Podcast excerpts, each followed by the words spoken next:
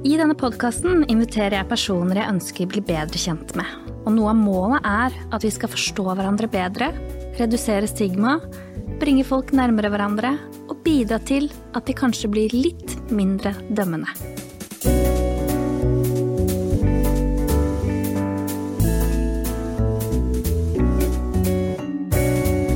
Du lytter til Snakk med Silje. Det var en egen programsnutt på NRK i dag morges som sa De nevnte Wolfgang, da.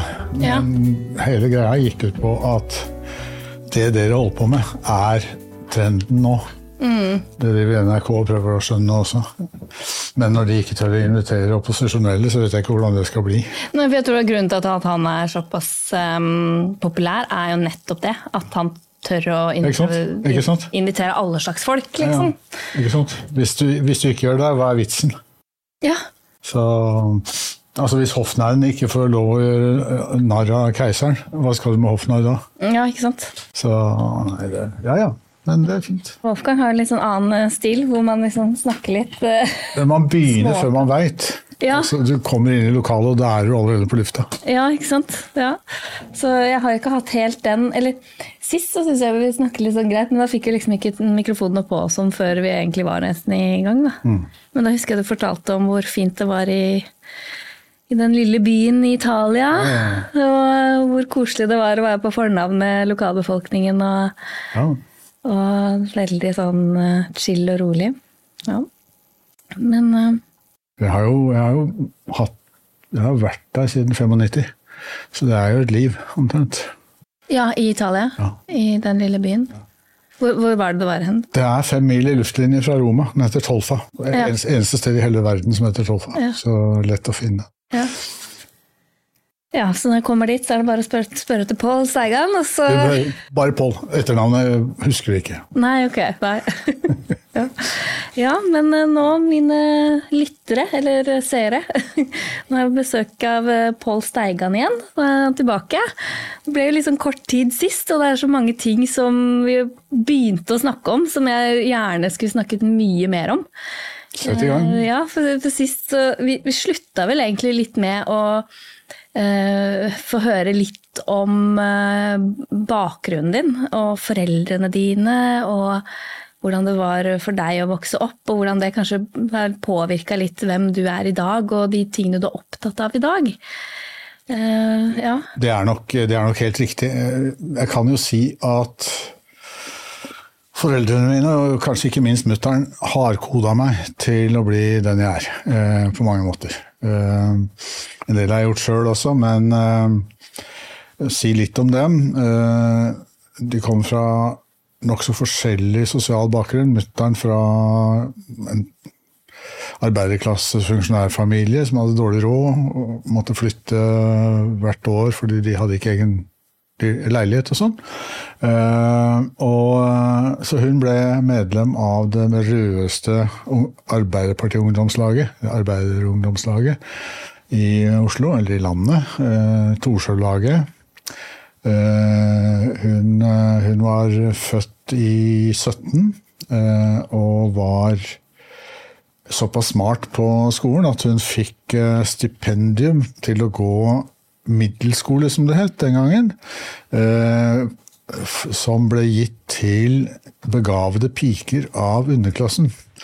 Så hun fikk gå på Hartvig Nissens pikeskole i to år. Og lærte seg tysk, engelsk og begynte på fransk, før hun da måtte ut og jobbe på kontor. Eh, sånn at eh, hun kunne jo allerede en god del eh, ting, da. Og i arbeiderbevegelsen så lærte hun mer. Hun ble med i eh, noe som het Tramgjenger, som var en type eh, ja, De reiste rundt på lasteplan og holdt eh, talekor og sanger og sånn i arbeiderbydelene. Okay. revolusjonære sanger, kampsanger, opptrinns... Altså aktivt skuespill. Og dette var jo tida med den store arbeidsløsheten, framveksten av fascismen osv. Mm.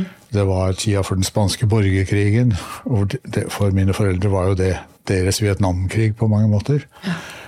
Så eh, hun ble prega av det. eh, Gikk på studiesirkel i marxisme, og så kom krigen. Ja.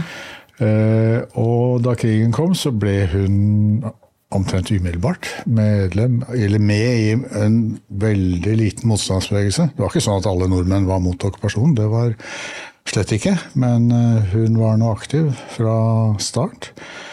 Og uh, siden hun jobba på Folkeregisteret, så fikk hun etter hvert som oppgave av motstandsbevegelsen, fortalte hun meg da, eh, å sørge for at folk som måtte gå i dekning, fikk fjerna alle spor i folkeregisteret. Ja. Så hun, hun plukka ut Gikk inn på arkivet og plukka ut det som var om dem. Og så putta hun eh, dokumentene i trusa, gikk på do, og så reiv stykker og spilte det ned. Så det var hennes eh, oppgave, blant annet. da. Enklere før. Og var enklere, var enklere før. og det, det der gjorde hun så effektivt at eh, mange mange år etterpå så sa Otto Øgrim, som var en av lederne i undergrunnsbevegelsen XU, at hun hadde gjort jobben sin så grundig at det var en del folk som hadde problemer med å bevise at de eksisterte etter krigen.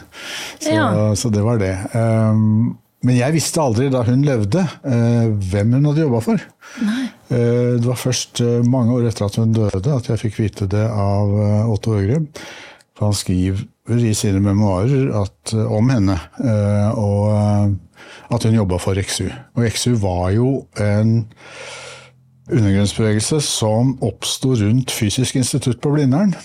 De var eh, knallharde tilhengere av nasjonal uavhengighet. Alle sammen var tilhørte venstresida. Eh, Arbeiderpartiet, kommunistene osv. Og, og eh, de kunne veldig mye. Blant annet uh, utvikla de eh, mikrofilm og, og sånne ting. Så de drev og smugla meldinger til London via Sverige. Eh, skjulte budskap inni skruer på toalettene på, på togene og sånn. Eh, masse sånne finurlige metoder som de, de kunne. Og interessant for meg var at eh, en som var med på de første, den første tida for å etablere XU, det var fattern. Han kjente jo ikke min mor da, eh, hun som skulle bli min mor, men eh, han jobba der og eh, kjente Otto Øgrim, for de hadde vært sammen i, i Mot Dag og Clarté, som var de radikale bevegelsene på venstresida av Arbeiderpartiet. Eh, og, eh, så han jobba da med eh, forskjellige ting som hadde med eh, motstandsbevegelse å gjøre. Blant annet lagde mm, filmoriginaler til illegale plakater og, og den typen ting. Så to helt forskjellige ting, men de to traff hverandre altså på folkeregisteret da han skulle smugle hemmelige eller falske pass ut av folkeregisteret. Og en ung dame eh, avleda av Gestapos oppmerksomhet, og som han fortalte meg eh, mange år etterpå, etter at hun var død også. Jeg ble jo veldig interessert i den jenta, og hun ble mora di forresten. Så du kan si, en sånn arv eh, gir jo et visst preg, da. Men en ting som er, er viktig å legge merke til, det er at altså begge to hadde jo da slåss mot tyskerne, kan du si, mot nazismen. Eh, Fattern satt to og et halvt år i tysk fangenskap. Men de var jo ikke antityske. Altså, de var antinazister. Eh, Mutter'n lærte meg tyske arbeidersanger før jeg var seks år gammel. Hun drev og sang eh, tyske sanger fra den, fra den tyske bondekrigen. Eh, sånn som 'Spis foran, drauf und dran, 'Setz am Klosterdach der rote Hahn'. Wenn Adam slog und Eva spann, hvor var er da der edelmann? Og fordi den bevegelsen var jo, du kan si, kristenkommunistisk Ja. den eh, bevegelsen på, på 1400-tallet. Deres budskap var at man skulle fjerne adelen, fjerne presteskapet, og så skulle man eh, leve sånn som i urkristendommen. Eh, alle, alle like, og skulle dele. Det var liksom budskapet. Mm. Så den typen budskap fikk jeg inn, eh, og ikke altså en antitysk holdning. Fattern dro til München i 56 eh, for å hjelpe tyskerne med å bygge opp igjen eh, filmindustrien. Han var filmekspert. Så han dro altså til det som da fortsatt var et okkupert Tyskland, for å hjelpe den nasjonen som hadde satt ham i, i fangenskap, eh, med å hjelpe å, å, bygge opp en filmindustri. Eh, så det budskapet var veldig klart. Det var ikke tyskerne. Nei. Det var ikke tyskerne som var fienden. Det var nazismen. Ja, Det var liksom og, ideologien i seg selv. Ideologien og statsmakta, Gestapo, altså alt det der. Eh, og det gjør jo at jeg, jeg, reagerer jo veldig nå i dag på hvordan man gjør russerne til fienden. Hvordan man fordømmer russisk litteratur. Man forbyr russiske 1800-tallsforfattere. Jeg, jeg lærte å lese tyske forfattere da jeg var guttunge. Mm. Det var den naturligste sak av verden. Ja. Altså, Fatter'n mente jo det at det er så forferdelig at en av Europas største kulturer skulle øh, utsatt for avsky bare pga. en uh, liten uh, østerriksk korporal. Skulle vi ikke lese Thomas Mann, liksom? Mm.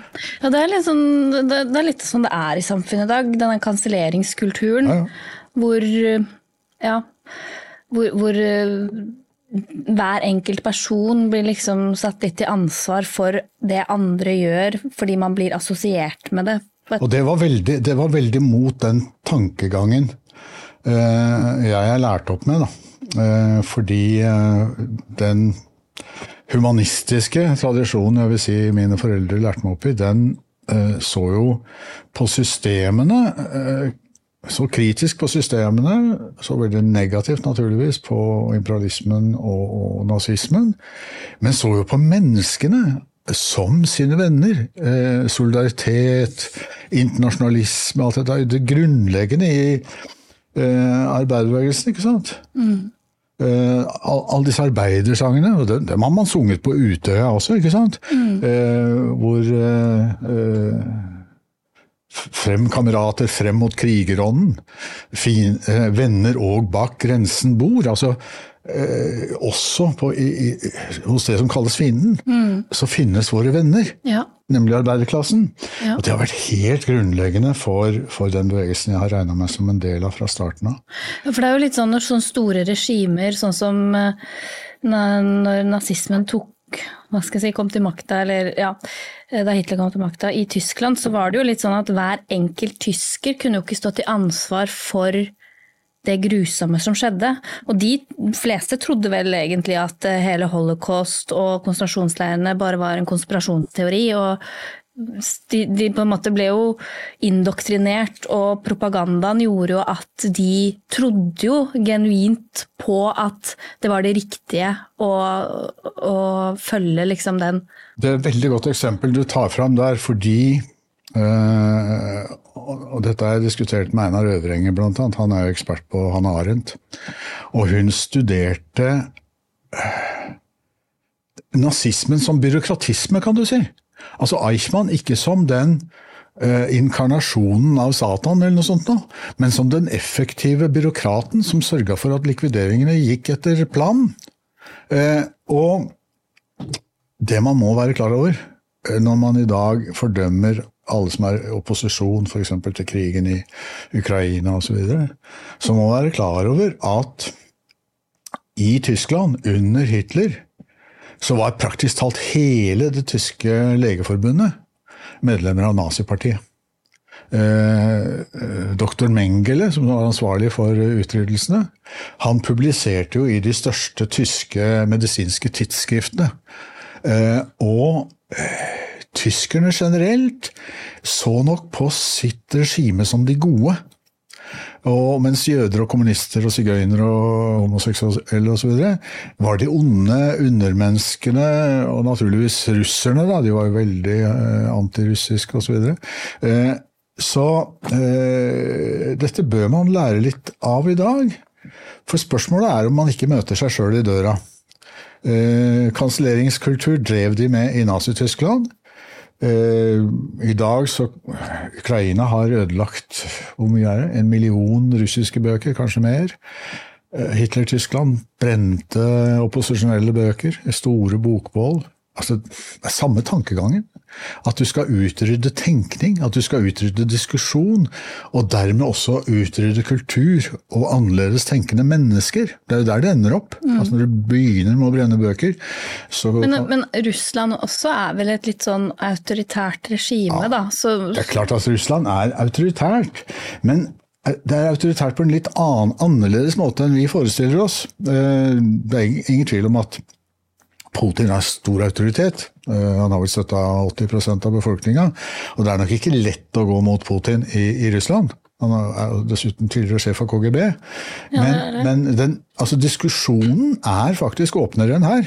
Eh, det er mange mer forskjellige synspunkter. Og til dels er det jo folk som eh, mener at Putin er altfor bleik. Eh, og som står fram på TV og sier det. Eh, og sier at Putin skulle ha gått til full krig med en gang osv. Så videre. sånn at eh, vi skal være litt ydmyke og ikke tro at vår måte å behandle annerledes tenkende på er den beste i verden, for det er den ikke. I det hele tatt så er det veldig få demokratier i verden i dag. Det er veldig vanskelig å sette opp en liste over det. Men litt tilbake til, til min barndom og ungdom, da, for å mm. forklare deg litt mer. Fordi eh, jeg blei jo på mange måter ikke bare hardkoda til å bli en uh, venstreradikal kommunist, men også til å bli en uh, ja, Kall det intellektuell, da. Fordi jeg fikk jo en veldig sånn intellektuell oppdragelse. vi hadde veldig mye bøker. Jeg kan si Mine venner de hadde Familiene Familien hadde enten god råd, eller så hadde de var arbeiderklassefolk som også hadde ganske god råd.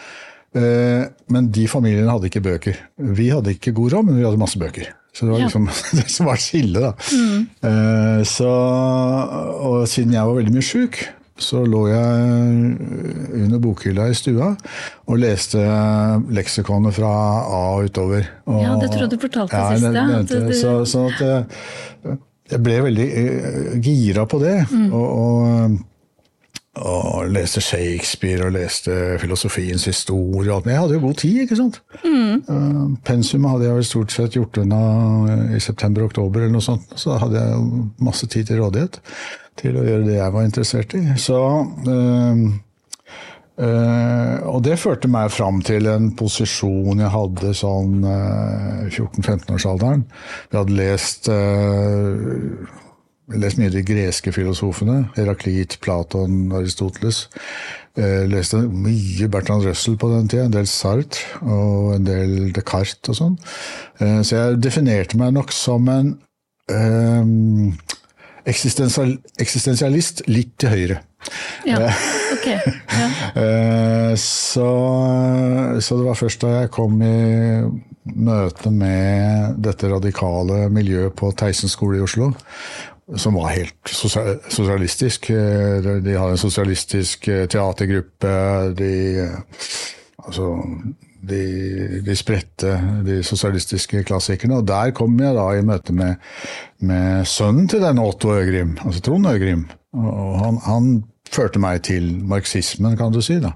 Og vi krangla vel i to år før jeg begynte å kalle meg marxist. Og det var da rundt sånn 15-16-årsalderen. Eh, mm. Eh, og um, var foreldrene dine kommunister? Ja, de, de regna seg nok helt opplagt som kommunister eh, fram til verdenskrigen. Eh, Fattern eh, organiserte et stor, eh, stort festmøte for oktoberrevolusjonen ved 20-årsjubileet i 37. Eh, men han sa eh, Gestapo klarte aldri å sette på meg den røde stjerna.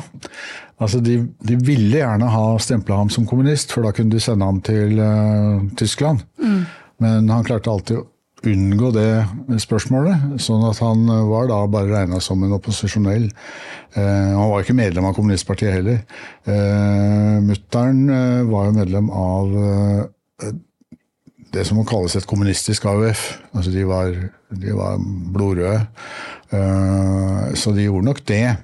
Men eh, jeg husker jo fattern sa veldig tidlig, før jeg var ti år gammel, bli hva du vil, gutten men bare bli ikke politiker. Var liksom budskapet fra fattern. Det var jo litt det du endte med å bli etter hvert. Nei, det er farlig å si til barna sine hva de skal bli, vet du. Ja. Eller ikke bli. Ja, for da blir du akkurat det. Altså, jeg hadde jo lyst på å bli, eh, bli altså, studere realfag. Altså, bli bedre enn fattern i fysikk og matematikk og kjemi eller geologi eller annet sånt, for det er det han studerte. Da. Eh, men så sa fattern skjebnesvangert nok da jeg gikk på gymnaset, at jeg burde det. Og det var jo da det eneste jeg ikke kunne gjøre. Selvfølgelig. Du er jo i opposisjon bare generelt eh, til dine egne foreldre òg. Jeg, jeg kunne jo ikke gjøre som fattern sa, så jeg begynte å studere historie. Ikke for å bli historiker, men for å skjønne mer av de historiske bevegelsene.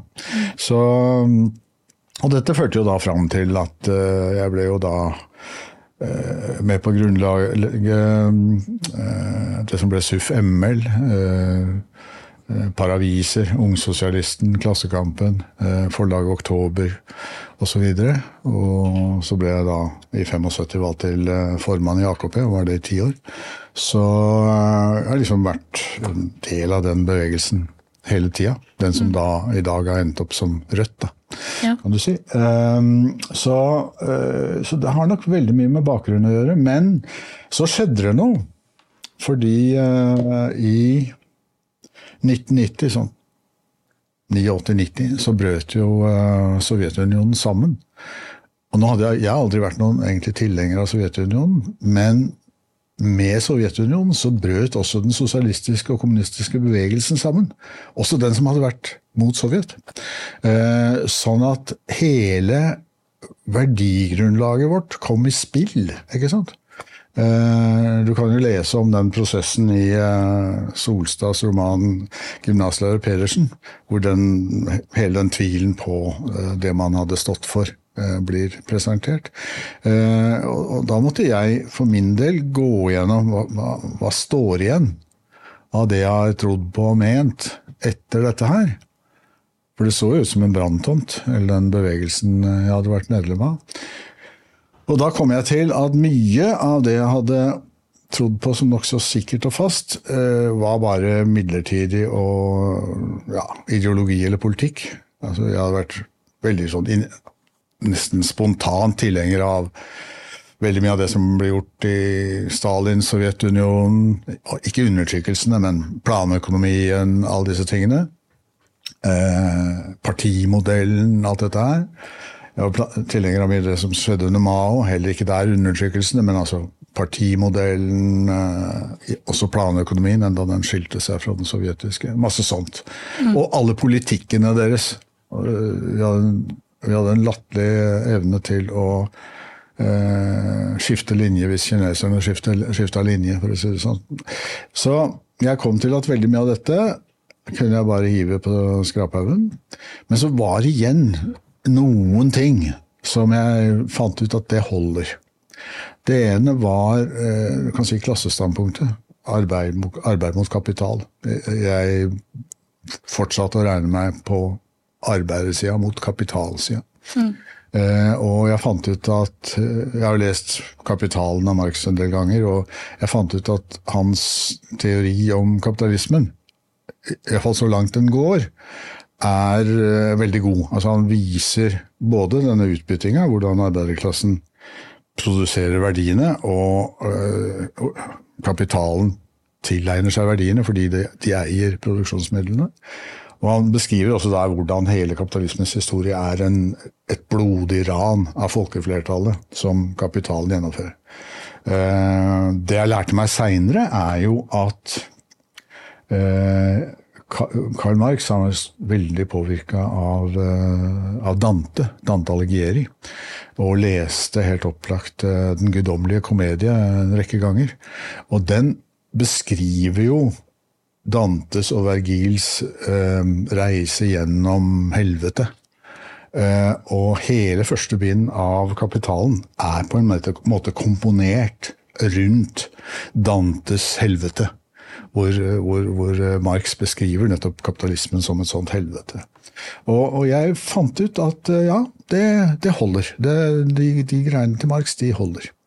Og så fant jeg ut at eh, det som er best hos Lenin, det er hans beskrivelse av imperialismen. Altså hvordan kapitalismen i nyere tid ikke lenger var en kapitalisme rundt industriproduksjonen, men en finanskapitalisme, hvor det er bankene og finansinstitusjonene som har tatt kontrollen over det hele, og et lite finansoligarki som styrer alt sammen. Mm. Dette, dette, er Jeg har funnet ut at dette er veldig brukbare teorier. De er ikke høyttravende, de er veldig sånn basert på fakta. Mm. Uh, og jeg har faktisk brukt uh, Lenins imperialismeteori til å skrive en ny versjon, uh, hvor jeg gjennomgår altså hva som skjedde da Kina vokste fram som en stor industrimakt og en stor kapitalistmakt. Man kan diskutere er det kapitalistisk, er det sosialistisk. Det er ikke den diskusjonen jeg er inne på. Den diskusjonen jeg er inne på, er at Kina ble verdensfabrikk. Og og finanskapitalen i Vesten ble så konsentrert at det i dag er bare tre store finansinstitusjoner som kontrollerer alt. Uh, Vanguard, BlackRock og State Street har flertallet, eller er de største eierne i 88% av amerikanske børsnoterte selskaper. De eier omtrent alt. De eier, det er helt sykt. De eier uh, våpenindustrien, de eier mediene, de eier merkevarene, de eier Big Pharma, alt. Sånn at jeg har brukt den delen av Lenin til å beskrive disse tingene, basert på data fra London-børsen og New York-børsen og Shanghai-børsen og hva det måtte være. Så de to, eller tre elementene, hvis vi sier at klassestandpunktet er et tredje element, det syns jeg var bra. Mm. Det kunne jeg bygge videre på. Og så begynte jeg å se på hvordan eh, kan jeg da i dag kalle meg kommunist, Eh, ut fra forbrytelsen i kommunismens navn. Og så tenkte jeg ja, altså hva er egentlig kommunisme? Eh, hvis du ser bort fra statsstyret og sånn, så er kommunisme Du kan gjerne si drømmen om et samfunn uten klasser hvor det ikke fins de der undertrykkerklassene som stjeler det du har skapt gjennom ditt eget arbeid, men hvor det er likhet blant folk, da. Eh, hvor de, ingen utbytter andre. Mm. Eh, og da kommer jeg til at drømmen om det klasseløse samfunnet er like gammel som klassene sjøl. Så lenge det har eksistert en overklasse, så har drømmen om å fjerne den overklassen eksistert. Mm. Det, er, det, er, rimelig. Og da lagde jeg et begrepsapparat som man godt kan kritisere, det er ikke så viktig, men det er iallfall nyttig for meg da, for å sortere tankene. Hvor jeg sa at eh, kommunismen har kommet i uh, fem versjoner. Kommunisme 1.0 til 5.0 kalte jeg det. Og kommunisme 1.0 det definerte jeg som det som er beskrevet i Nytestamentet, i apostlenes gjerninger, hvor det sto at apostlene eh, eide ingenting privat. De levde sammen og delte alt de hadde. Det var det vi kan kalle den kristne urkommunismen. Jeg kaller det eh, kommunisme 1.0. Det, var, eh, det, er ganske godt beskrevet i Bibelen. Og sånne uh, samfunn har eksistert mange forskjellige steder rundt omkring i verden. Altså, man, man, kommer sammen på et sånt grunnlag. Og det er ganske interessant for meg nå med denne tilknytninga til Italia og oppleve at dette begrepsapparatet le, har levd videre i den kommunistiske bevegelsen i Italia, som jo var den sterkeste i Europa utenom østblokken. Eh, for de sier ikke I Italia sier man ikke kamerat, det er det bare fascistene som sier. I Italia sier man compagno. Og compagno, det betyr med brødet. Altså de som deler brødet. Altså eh, Det italienske kommunistbegrepet er apostlenes gjerninger. Mm. Så de fører med seg du kan si, en sånn urkristen tankegang også inn i den kommunistiske bevegelsen. Eh, for meg er det veldig interessant hvordan det har levd videre. Og så ser man da Jeg tok en sånn kommunisme 2.0, hvor du kan si at eh, hele klostervesenet ble jo basert på en sånn tankegang. Jeg har nå restaurert sammen med venner en, et fransiskanerkloster fra 1622. Og fransiskanerne var jo fattigmunker. grunntanken i fransiskanerorden det var at de rike skulle gi fra seg all sin eiendom til de fattige, og så skulle de de troende, da, de skulle samles i klosteret og gjøre gode gjerninger i Guds navn, liksom. Mm. Så det, hele klostervesenet har hatt en sånn tanke i bånn. Eh, nå ble jo veldig mange, En god del av dem ble søkkrike. Og mm. Vatikanet er den største økonomiske eh, svarte pengeorganisasjonen i verden, kanskje. Ja, det er liksom det, for det jeg tenker er at jo, kommunismen det er jo en sånn kjempefin tankegang. Altså, Ideologien er jo fin, men det jeg syns er vanskelig, er liksom hvordan skal man kunne klare å få dette til rettferdig praksis, og samtidig at alle er liksom frie mennesker og kan få lov til å eh, leve liksom Bestemme litt over sitt eget liv òg, da. Jeg, jeg syns det er vanskelig å se for seg ja. at det faktisk kan fungere. Yes, og det, uh, det, det strider litt mot menneskets natur. Altså, vi er jo Av natur så, så, så, er vi jo på en måte Har vi empati for andre på et eller annet vis og, og, ønsker jo å leve i fred og fordragelighet på en måte, men samtidig så er det jo noe med det at makt korrumperer, og folk streber jo etter penger og, og liksom Og, og også ha noe å jobbe mot, da. At, at hvis, du, hvis ja, du, skal yte etter evne og få etter behov, men er det nok for folk, liksom? Altså, en venn av meg han pleide å si at uh, jeg er helt i, enig i prinsippet om å yte etter evne og få etter behov, men jeg kommer ikke til å si noe på forhånd om hvor liten min evne er og hvor store mine behov er. nei, det er noe med det. ikke, ikke sant? At, Det, det, sånn liksom, at, uh, hvordan skal vi mennesker på en måte kunne mm, forholde oss til en sånn ja, til det. Mm. Men det, eh, det, det, er veldig, det er jo det grunnleggende riktige spørsmålet å stille. Og det er det spørsmålet jeg har fått ca. 1478 ganger i min tid. 79 kanskje nå. eh, og det er det grunnleggende spørsmålet. Eh, er det ikke sånn i virkeligheten at mennesker vil søke makt, eh, og du ser det i Du kan se det i en hvilken som helst bevegelse. Idealistisk bevegelse politiske, religiøse bevegelser, miljøbevegelser. Det er hakkeorden, og det er eh, de eh, som er flinkest til å tråkke på andre og drive ja, manipulasjon og for den saks skyld sammensvergelser, som kommer til topps. Så det ligger noe der. Eh, ja, for Hvordan skal vi få bukt med liksom det at noen bedrifter, eller noen organisasjoner egentlig, eier hele den vestlige verden, mm. da?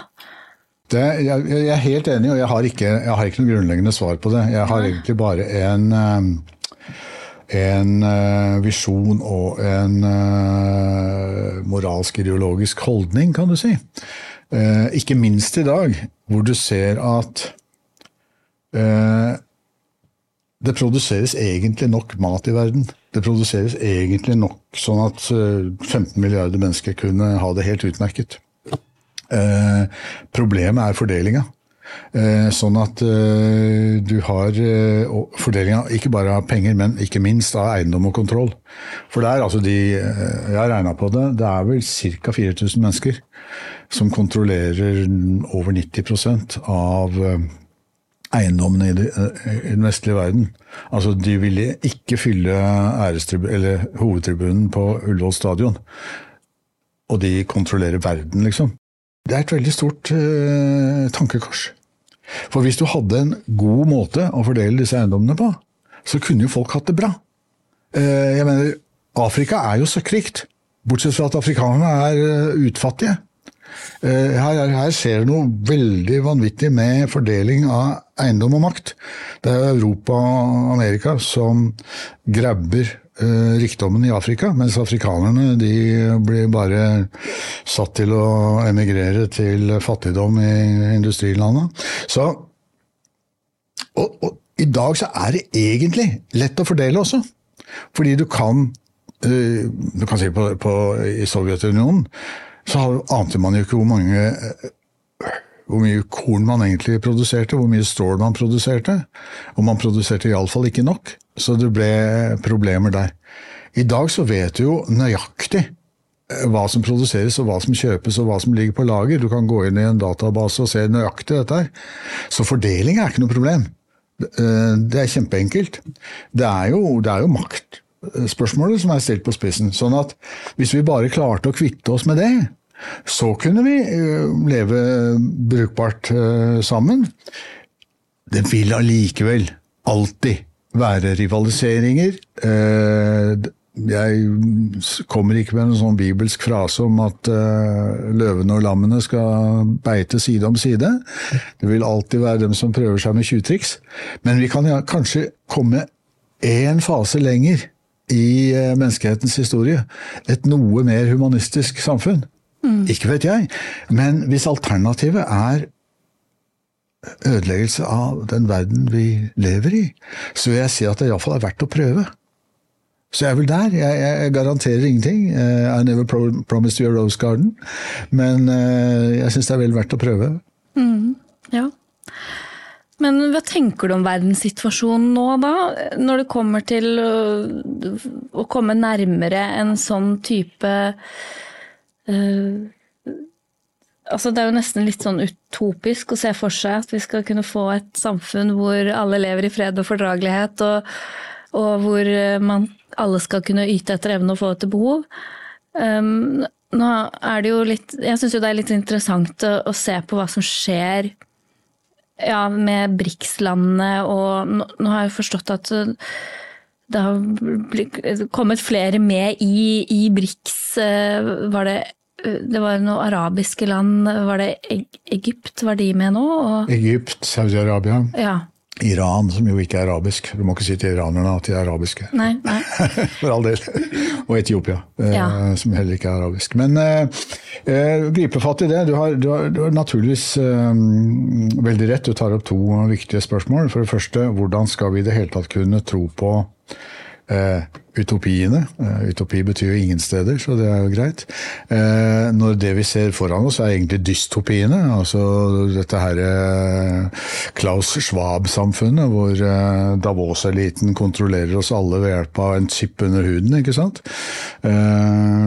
Så det er jo det, det er jo det motsetningsforholdet som uh, står opp mot hverandre. Skal menneskeheten kontrollere seg sjøl, mm. eller skal Davos-eliten kontrollere oss alle? Ja, for de sier jo det at you will own nothing and be ja, ja. happy. Og det er jo en litt sånn kommunistisk tankegang, men med likevel at det, det er kapitalistiske krefter som står bak, da. Ja, det, det de ikke nevner, det er at eh, det er lite, en liten håndfull som jo skal eie alt. Og så skal vi andre ikke eie noen ting. Og vi skal være happy fordi vi er dopa, omtrent sånn som folk var dopa av eh, hele lockdown-politikken. Aksepterte de mest tåpelige ting. Maskepåbud og alt mulig sånt. Eh, men eh, ja, Vi står der i dag. Det, det, det valget menneskeheten står overfor. Skal vi forvalte verden sammen, eller skal vi bli slaver under Davos? Eh, og da vil jeg si jeg holder på en knapp på det første. Mm. Det, er, det, er, mitt program. Eh, men, men, når, du, når, du, kommer med Brix så er det også helt uh, på sin plass. Fordi det som skjer nå, og jeg er veldig begeistret for at det skjer i min levetid, det er at du kan si den vestlige kolonialistiske, imperialistiske modellen, som har eksistert iallfall i 400 år, den bryter sammen nå mens vi ser på. Altså øh, hele, den, hele den vestlige dominansen, USA, de vestlige stormaktene, Frankrike, Tyskland, øh, Storbritannia, altså alt det der, det bryter sammen. Nå er det helt andre makter som, som tar over. Nå ser vi hvordan Afrika plutselig ser sin mulighet.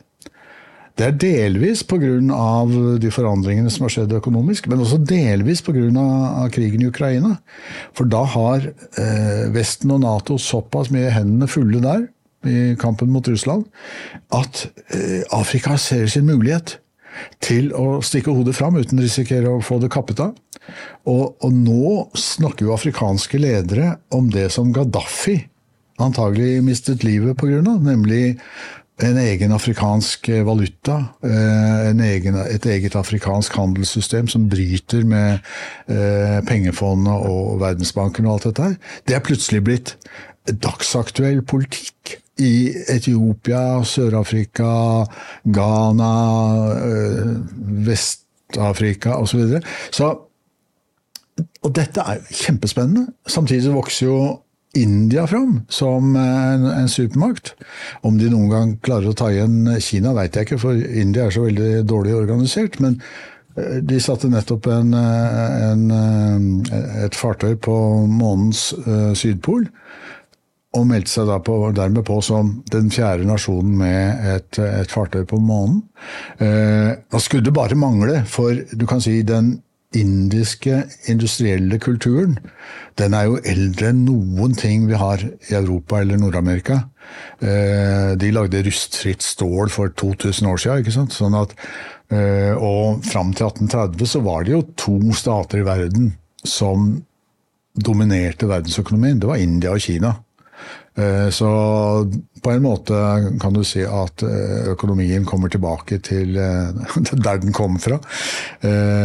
For det var jo, det var jo i disse store elvekulturene, både langs Nilen, Eufrat Tigris og elvene i Asia, Ganges og Yangtze-Kiang, hvor menneskehetens og sivilisasjonens vugge sto. Mm. Det, var jo ikke, det var jo ikke ved Nordsjøen, for å si det sånn. Hvis du ser på tabellene over verdens største land, verdens mest folkerike land og verdens største økonomier, så ser du at når det gjelder største økonomier, så forsvinner jo de europeiske økonomiene ned der. Tyskland, Europas uh, lokomotiv, er jo i ferd med å gå av skinnene. Tysk industri stagnerer. Det er, det er noe helt nytt. Og de gjør det for egen hånd. Mm. Altså, eh, den er dette såkalte grønne skiftet, som jo paralyserer tysk industri, har de jo innført sjøl. De aksepterte ødeleggelsen av, eh, av Nord Stream-rørledningene. Eh, og de aksepterer amerikanernes eh, sanksjoner mot Russland, som jo ødelegger tyskernes marked og eh, råvaretilgang. Så, så det, mye av dette skjer for uh, egen hånd og ved politiske beslutninger. Men det skjer jo fordi USA er den sterkeste av de vestlige militærmaktene, og har fullstendig bukta opp begge endene over dem.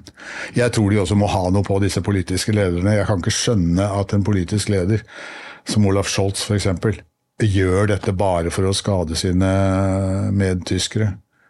Jeg tror de har et balletak på ham, altså, for å si det sånn. Mm. Eh, det gjelder mange av disse, disse politikerne. De er, nok, eh, de er nok under hæren. Men i alle fall, det som da skjer, mens Europa holder på å ødelegge seg sjøl, det er jo plutselig kommer Etiopia fram, ikke sant? Mm. Hvem hadde trodd det?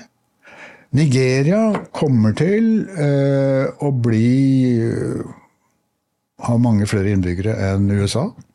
Eh, om ikke så veldig lenge. Det er eh, veldig rask eh, befolkningsvekst.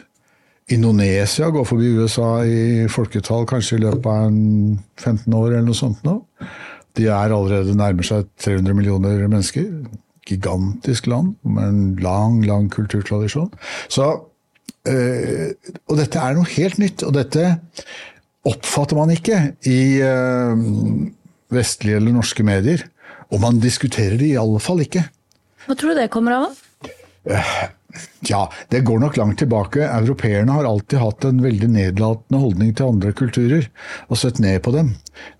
og ikke innsett storheten i disse kulturene. Jeg mener sånn Den politiske herskerklassen i Europa, og mange partier, uh, gikk jo med på å ødelegge Irak. Ja, det var der vår sivilisasjon ble født. ikke sant? Og så skulle man eh, bombe det tilbake til steinalderen. At man kunne. Der, der, der, kunne, man jo, uh, der kunne man jo skrive og, og, og beregne stjernenes baner. Eh, mens man her bodde i trehytter eller steinhuler. Det, det var jo høykulturer. Og så hadde man en, har man en sånn nedlatende holdning til, eh, til, disse kulturene. Og det gjelder jo også store deler av Afrika. Eh, midt inne i eh, Sahara så ligger byen Timbuktu. Veldig langt fra alt mulig. Men i middelalderen så var det en av datidas største handelsbyer. Og den største handelsvaren, det var bøker. Ja. Wow!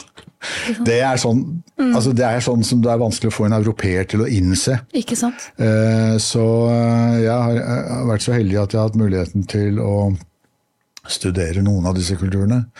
Eh, Den kinesiske, naturligvis, som er en av de store, men også den iranske. Jeg har vært tre ganger i Iran og lest en del av de, de klassiske verkene til eh, iranerne og fått veldig stor respekt for disse kulturene. Så, så det, det, det fins, og eh, hvis man bare er ydmyk nok, så kan man lære enormt mye. Eh, Hvis man bare følger med på dette. Men europeerne ser nedover langs neseryggen. Og dette har de jo lært av britene, som jo er de verste av alle, eh, når det gjelder å se ned på fremmede nasjoner. Det er jo kanskje britene som har vært verst til å lage denne russofobien som vi opplever i dag. Mm.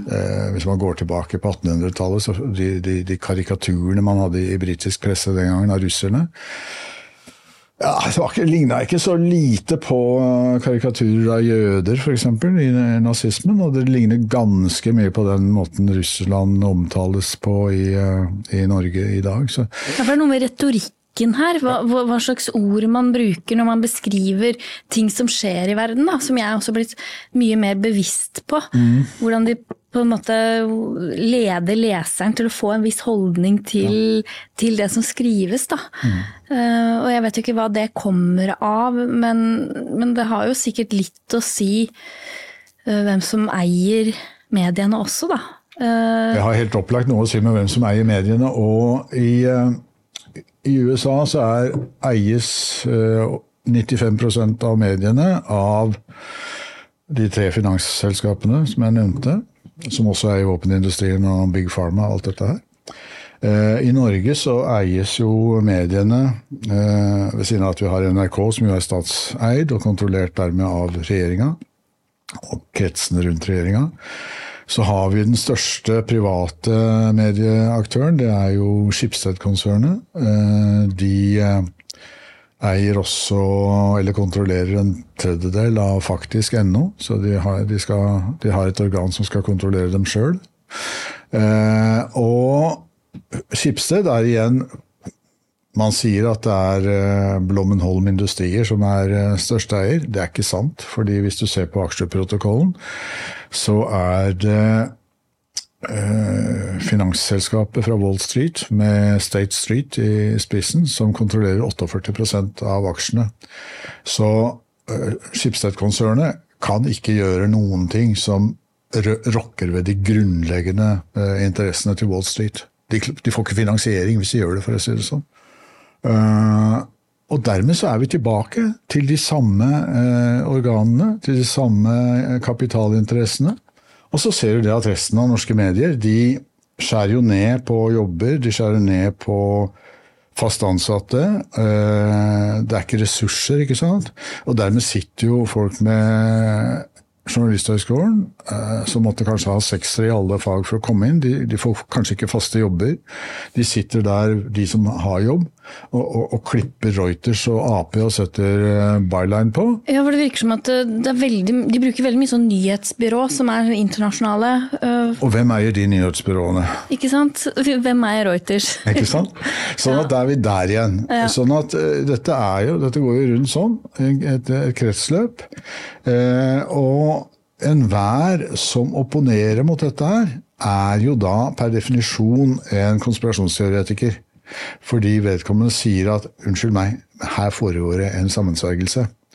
Eh, Jeg er blitt beskyldt for det, også av mine partifeller i- Rødt. Eh, Men eh, altså sammensvergelse har eksistert siden tidenes morgen. Eh, Og det er veldig interessant for meg at det begrepet ikke brukes i Italia, for der er man kjent med Ja, ja, alt, alt, fra, alt fra drapet på Cæsar oppover, eller mafiaen, eller hva det måtte være. ja, ja. Det så, snakket du litt om Ja, sist. sist det, og, og, og sånn er det. Eh, Men eh, mens her i det protestantiske Norge, så tror man det som står i Skriften, mm. som en god lutheraner.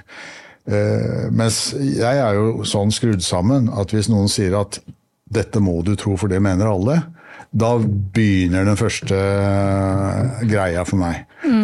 Her må det være noe bøff. Ja. Hvis du blir pålagt å tro noe, så er det noe bøff. Og det er litt sånn interessant, fordi de snakker jo om øh, Ja øh, Hvis man stiller noen spørsmål ved noe knytta til krigen i Ukraina og sånn, så, så blir man jo med en gang beskyldt for å tro på russisk propaganda, selv om man ikke har eh, lest noe om eh, ja, noe fra russiske aviser eller, eller sånn. Eh, men så blir jeg litt sånn derre Men er det ikke litt naivt å tenke at det bare er i Russland det finnes propaganda? Og så føler jeg litt sånn at propaganda funker jo bare hvis du faktisk ikke er bevisst at det er det det er. Og så har jeg litt inntrykk av at russerne vet jo at det som er i visse aviser egentlig kanskje ikke er så pålitelig pga. hvem som eier disse avisene. Mens i Norge har jeg litt inntrykk av at en del kanskje ikke ser at vi også kan bli utsatt for eh, nyheter som, som har en viss hva skal jeg si, en viss vinkling i forhold til hva slags politikk vi fører her i landet. Da. Eh, at, at vi skal ikke på en måte hvis vi stiller spørsmål med måten politikerne håndterer ting, så er det liksom Ja, men du, det er farlig med politikerforakt, fordi uh, Ja, nei, det, det, er noe som, som, skurrer litt der for meg. Uh, at det er litt sånn at er, det er litt arrogant av oss i Norge å tenke at vi vet mer om hva som skjer i Russland enn det befolkningen der selv er bevisst på en eller annen måte. Og, ja. ja. Eh, veldig bra tatt. Eh, det er jo sånn at den propagandaen som du ikke innser er propaganda, det er den som er mest effektiv. Dette, dette sa jo Goebbels også. Eh, som var den uh, tyske propagandaministeren. Jeg siterte forresten Goebbels på dette, hvilket førte til at jeg ble stengt ut fra Facebook en periode. Ja. Altså Sånn er det blitt. Altså Hvis du viser hvor denne ideologien kommer fra, så blir du utestengt. Uh, og Er du først utestengt, så taper du en del andre muligheter, og folk kan si at du er, du er sånn og sånn fordi de har utestengt deg. Og dette er jo, disse tendensene har jo eksistert før. Uh, og George Orwell skrev jo veldig godt om det i, i 1984. Uh, men som han sier, dette er en roman og ikke en brukerhåndbok. Altså Nå bruker man jo dette her som om det var en instruksjon om hvordan et samfunn skal være. Uh, denne underkastelsen og denne historieødeleggelsen. Fordi Altså Hvis man studerer russisk og ukrainsk historie, så vet vi at uh, de som er helter i Ukraina nå, Bandera-tilhengerne, de var jo uh, nazikollaboratører. De samarbeida med SS, tyske SS. De drev uh, massakrer mot uh, polakker, jøder og andre. Veldig brutale, forferdelige ting. De var til dels så brutale at SS ba dem holde opp. Uh, dette er nå nasjonalhelter i, i Ukraina. Vi ser vi har sett bilder av Bandera-flagget i barnetoget i Oslo i år. Oi. Det er heftig. altså Man tillater naziflagg. Dette er naziflagg. Det rød-svarte flagget, det er naziflagg. Dette tillater man i barnetog i Norge. Jeg hadde aldri trodd jeg skulle oppleve det. Det er helt vanvittig. Eh, statsminister Støre står i Kiev og, og, og roper 'Slava Ukraini'. Hvis du slår opp i uh, Wikipedia, selv i dag, så sier de at denne parolen, som riktignok betyr 'leve Ukraina', men den er brukt i den formen av eh, Bandera-tilhengerne, og det ble, ble, deres kamprop mm. i, eh, i nazitida. Eh, at den norske statsministeren eh, synker så dypt at han bruker det eh, på en talerstol i dag. Det sier litt om hvor langt vi er kommet. Ja, det blir på en måte litt sånn historieløst? Fullstendig, At man ikke helt ser hva det representerer, på en måte? Ja, man ser ikke det. Og, og, mener, dette er jo helt utrolig, for jeg, øh, jeg begynte å jobbe med Ukraina-spørsmålet ca. 2013. Øh, jeg visste ikke så veldig mye om Ukraina før da, men da begynte den der øh, Maidan-bevegelsen. Og en leser spurte meg hva jeg mente om det, og da måtte jeg lese meg opp på det. da. Jeg har lest massevis siden. Og da fant jeg ut at det fantes en rikholdig litteratur om Bandera-tilhengerne, om ukrainsk nazisme, hva de sto for, Altså, hvis du tar eh, lederen for eh, Azov, han er tilhenger av et uh, hvitt sjåvinistisk styre i Ukraina, hvor man har undertrykt eller kasta ut eh, Untermenschen, som han sa. Mm. Dette sa han i 2013, ikke sant? og han har nå i år nylig hatt møte med, med Zelenskyj for å diskutere strategien for denne kampen. Altså, det er hitleristiske nazister vi samarbeider med. Eh, og det har gått fort. Dette visste man. Dette sto i vestlig presse. Eh, den, den, amerikanske kongressen vedtok forbud mot å støtte Azov pga. dens eh, nazistiske holdninger. Og det var ikke mange år siden. Eh, og altså Simon Wiesenthal-senteret har jo pekt på dette her. Den eh, israelske presidenten har jo vært i Kiev og fordømt dem for at de hyller eh, disse nazistene, som er nasjonalhelter i Ukraina. Men nå er det plutselig sensurert ut av alt. Det, det nevnes ikke av noen.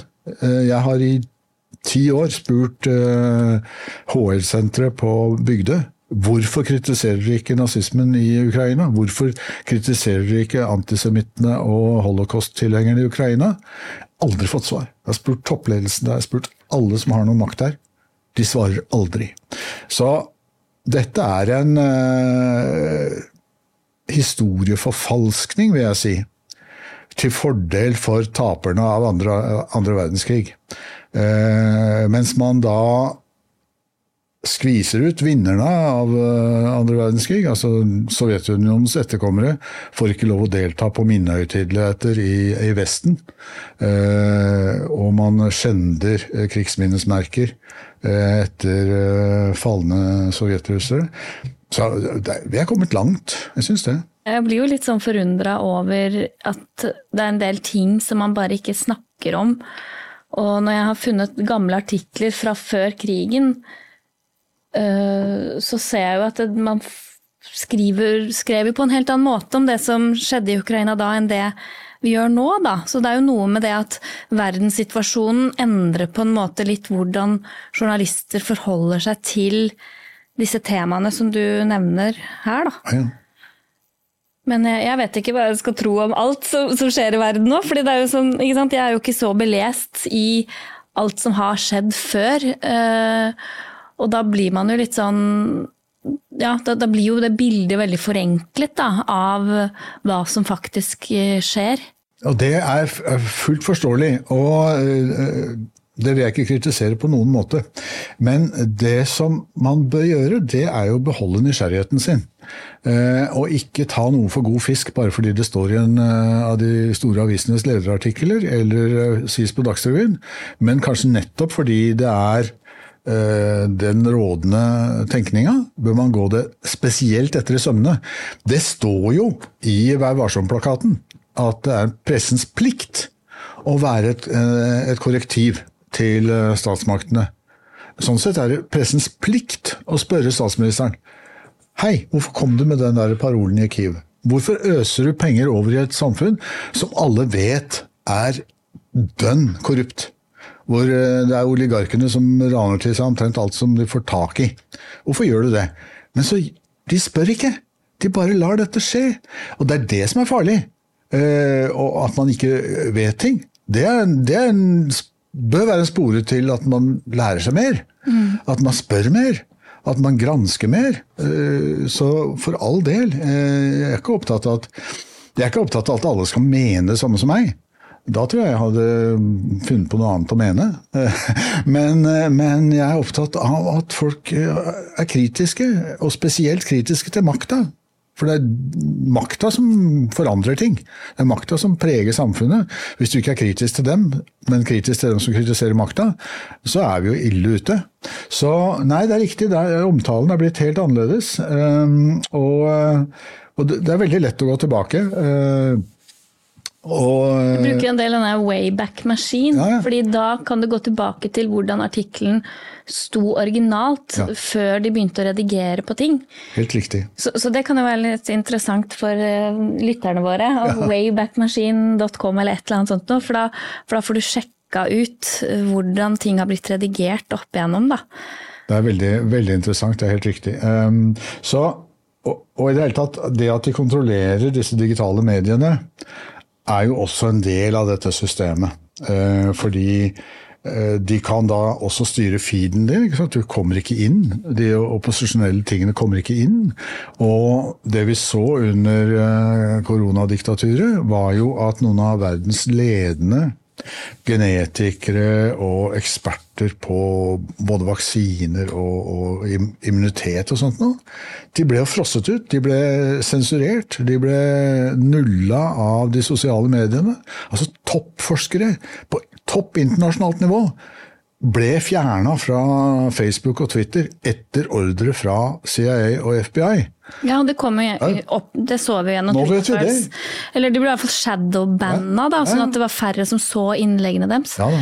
jeg husker eh, Jeg har sett et par av de innleggene som egentlig ikke var så veldig sånn uh, som bare egentlig så på aldersstratifiseringen, Ja. og så på det at det var ikke så farlig for barn. Ja.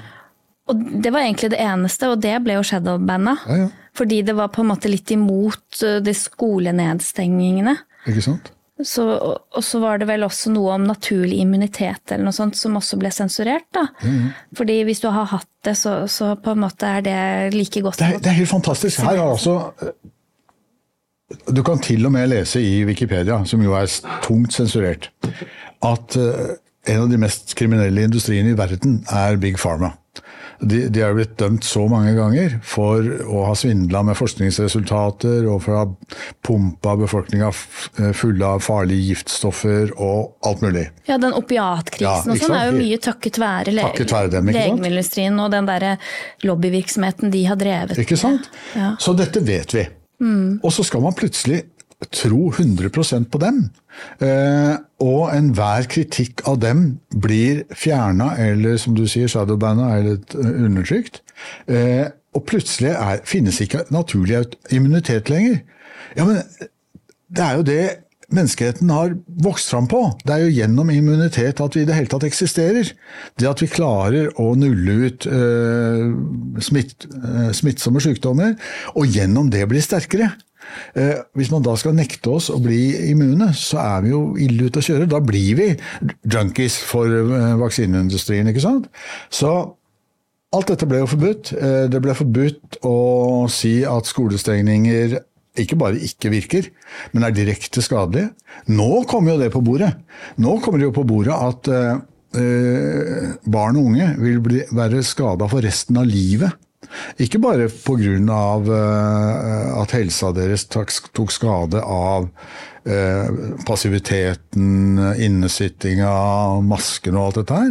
Heldigvis så brukte jo ikke barn i Norge maske, da, det er jeg veldig glad for. Men i USA har jeg sett noen grusomme Massevis, filmer av barn som bare er helt fortvila og ikke vil ha på seg den maska. Sånn tre, tre år gamle barn, liksom. Det er jo Ikke helt sånn Og i Italia også var det massevis av det der. Eh, og Uh, hvor, hvor I tillegg til det så er de jo blitt skada psykososialt. Fordi de, i de åra hvor de skal formes, og dette gjelder språket til barn, ikke sant? det gjelder hele den sosiale kompetansen mellom i tenåra, hvor du formes eh, som Du skal bli et voksent menneske, og du skal gjennom alle disse her konfliktene i, i samhandling med jevnaldrende. Hvis du ikke får lov til det, det er ikke noen erstatning å sitte ved en, eh, en sånn eh, datamaskin hjemme. Dessuten så har det jo det klassemessige her. Eh, Dette gikk verst utover de familiene som ikke har råd til alt dette her. Mm. Og som ikke har noen kompetanse hjemme til å styre gjennom dette her. sånn. Og at man tror at skjermundervisning er et alt, reelt alternativ til, til undervisning med menneskelige eh, lærere. Eh, bare det er jo fryktelig skadelig, og dette vet man jo. Dette visste man før dette her starta. Og plutselig så ble det troen. For meg, altså for meg som har studert litt eh, religionshistorie, dette er inkvisisjonen. Altså dette er liksom Ignatius Loyola og hele dette her. Du skal tro på det Vatikanet sier. Og hvis du ikke gjør det, så er du en kjetter. Og vi skal hive deg i fengsel, eller iallfall forby deg å snakke. Altså, vi er tilbake dit. Så det har vært en uhyre interessant opplevelse. Og eh, jeg har merka meg at de som har vært verst, er egentlig de intellektuelle. De har underkasta seg mest av alle. Eh, det har jeg kunnet se spesielt fordi jeg er så mye i Italia. Eh, og der omgås jeg jo mest med folk fra arbeiderklassen og lavere småborgerskapet. Da. Eh, og lite grad, liten grad akademikere. Og du kan si vanlige murere, snekkere, slaktere, bareiere. De har jo ikke trodd på disse historiene. De har en grunnleggende mistillit til politikerne. Så de satt og leste seg opp og sånn. Uh, diskuterte med slakteren hver gang jeg var innom og kjøpte noe kjøtt for, for helga. Så, ja, du, har du lest det siste Bill Gates har gjort? og sånn, ikke sant? Ja. De var helt der, fulgte ja. med. Uh, mens uh, når jeg snakka med folk som har sittet i, helt oppe i toppen i samfunnslivet, så, altså, så var det De var sinte på meg fordi jeg gikk, gikk med maske, og, og de underkasta seg fullstendig. Altså folk med mange mange års skolegang, og som burde vite bedre. Så, så det, det, har vært utrolig interessant at uh, de, de, som burde ha vært kritikere, de underkasta seg mest. Og ja, det er litt sånn interessant. Den er veldig, han, Mathias Desmet har, ja. jo, har jo skrevet litt om kanskje de sos psykologiske prosessene som skjer. Da. Arbeidet til Desmet er utrolig viktig. for Det han sier er at forutsetninga for at du skal få en sånn uh, mass formation, altså sånn massepsykose, det er at det på forhånd finnes en udefinert angst blant mange folk. En sånn usikkerhetsfølelse. Hvordan, hvordan går dette? dette? dette? kan gå til helvete, ikke sant? Og det har jo eksistert. Altså Pga. krise, pga. krig og alt mulig sånn. Og så, hvis det da blir for det første noen som fokuserer den angsten Dette er årsaken. Mm. Og så serverer en løsning. Dette er metoden. Så vil store flertallet, sier han, de vil følge ordre. Fordi det, det, løser et spørsmål som ligger nærmest i kroppen deres. Mm. Frykten eh, får en løsning gjennom å bli får servert du må gå med maske, du må ha lockdown, du må gjøre alt som vi sier. Da blir det bra. Og Da er det jo ikke rart man blir forbanna på de som ikke følger det, da. Ikke, ikke sant? Og da blir, man, da blir, det å ikke følge det, det blir jo heresi. Det blir, da er du en, en uh, outcast. Sviker, liksom. Du er en sviker. Ikke... Uh, og det uh, er jo en holdning som kanskje da krystalliseres hos de som er systemlojale fra før av. Altså akademikerne, altså legene, altså professorene. Mens ja. de som, som, fra før av ikke har så veldig høye tanker om uh, toppene i samfunnet, uh, de kan si sånn Å ja, er det en ny runde nå? Mm. da vil det være lettere å finne den typen der. Kan, du kan si at jeg tok det standpunktet 12.3.2020. Øh, da jeg hørte om lockdown i Norge, så bestemte jeg meg for at dette er jeg imot, og dette kommer Steigan.no til å være imot. Det er så veldig sjelden vi tar uh, sånne helt klare politiske standpunkter. Vi gjør det noen få ganger, men stort sett så liker vi å ha den debatten gående. Uh, men da tok jeg det standpunktet, og det tok jeg sånn Det mener jeg uansett om jeg skal miste alle mine venner på det. Ja, Så instinktivt så var det bare noe som Ja, for meg var det, Dette var mitt 9. april. Altså, mm. Jeg måtte bare gjøre det. Eh, det var ikke noen vei utenom. Eh, og etterpå så har jeg jo sett at eh, den beslutningen jeg ikke angrer på i det hele tatt, og at det faktisk er viktig. Du kan si det store flertallet fulgte dyrepasseren, mens for at ikke samfunnet skal bli helt totalitært, så er det viktig at det finnes et, et mindretall, kanskje 10% kanskje bare 5% som sier nei. Som sier nei, ikke faen. Fordi det, på et eller annet tidspunkt, vil det punktere ballongen. Når folk ser at nei, det, det er faktisk mulig å tenke noe annet. Uh, I uh, Huxleys vidunderlige nye verden så representeres jo den tanken av han fyren som finnes ute i ødemarkene der og leser uh, Shakespeare og, og, sånn, ikke sant? mens alle andre de tar sitt soma og aksepterer alt de får fra øvrigheta. sånn at så lenge det finnes et mindretall som tør å stå opp mot makta, så er det håp. Det er når alle eh, sier ja og amen, samfunnet virkelig er ute å kjøre.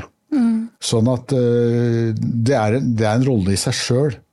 Altså det er eh, Det er liksom De som opponerte mot Vatikanet i middelalderen, ikke sant. De som opponerte mot, for den saks skyld, Vietnamkrigen i USA. Og, eller de som opponerte mot Hitler. Da. De, de var jo et mindretall. Mm. Men det var viktig at de fantes.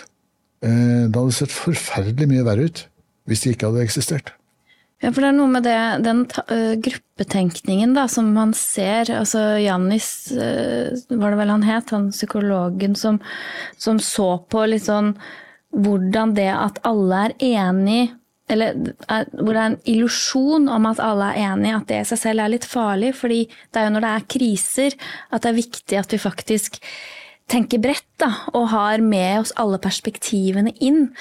Jeg, og jeg tror jo ikke at politikerne våre er sånn eh, superkorrupte eller hadde noen agenda når dette her skjedde. Jeg, jeg tror jo at, at, de var engstelige, og at de var redde for å ikke beskytte befolkningen sin eh, fordi man i mediene så hvor forferdelig det hadde vært i en del andre land, og hva slags krisetilstand det var.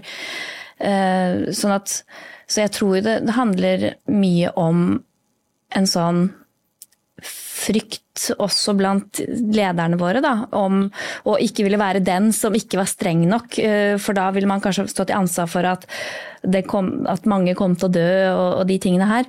Men så var det litt så jeg, jeg skjønte, Og i starten så tenkte jeg også veldig sånn ja, men det er bra å være føre var og være forsiktig, for vi, vi vet ikke nok.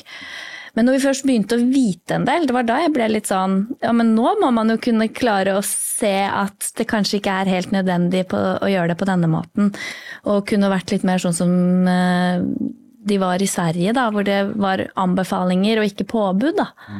Altså når, når, det gjelder politikerne, så vil jeg si juryen er ute og har ikke kommet tilbake igjen eh, når det gjelder hvorfor de gjorde dette her. Det er et spørsmål jeg eh, lurer på. Hvorfor, var, hvorfor stilte de opp alle sammen og sa det samme? Eh, det er et veldig interessant spørsmål. Ja, han, Mimir Kristiansson skrev faktisk et Facebook-innlegg hvor han sa litt sånn at nei, det var ingen som turte å stille spørsmål, for man ville ikke være den ene som på en måte mm, skulle være sånn trøblete og vanskelig. og Det, det er også et sånn interessant psykologisk fenomen. Sier han som støtter en uttalelse fra sitt parti, eh, som kritiserer meg fordi jeg midt under en, som det heter, midt under en dødelig eh, pandemi stilte spørsmål ved den politikken som ble ført. Mm. Så han må jo prøve å sortere argumentene sine, den gode mm. Mimmi Kristiansson. Jeg har mye sans for han, men han, ja, ja, ja, han snubler i sine egne bein av og til.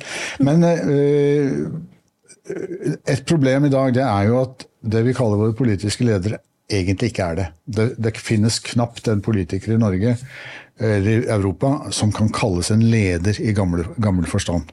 Eh, disse politikerne er jo mm, betalt av partistøtten. Eh, de er båret fram av mediene og har egentlig ikke noe djupere fundament i samfunnet. Det er ikke sånn som en Gerhardsen som har vokst fram av en arbeiderbevegelse, ikke sant? Eh, eller andre ledere.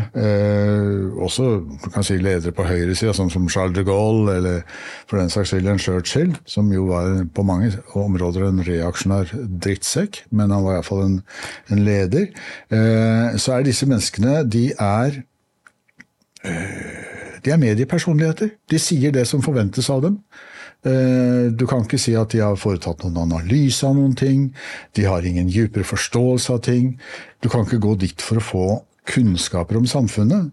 Du kan gå dit for å høre hva er dagens tekst, og den leser de opp. Og den teksten er som oftest skrevet av eh, reklamebyråene. Eh, de bruker jo fortsatt eh, f.eks. For eh, WHO brukte jo Hill Nolton som sin propagandarådgiver. Ja, det sa du sist. Hill Norton har gitt oss da tobakksindustrien og asbestindustrien og Irak-krigen og sånt. Og, og, disse folkene brukes jo også av Oslo kommune for å forme deres eh, politiske budskap til befolkninga osv. Så videre.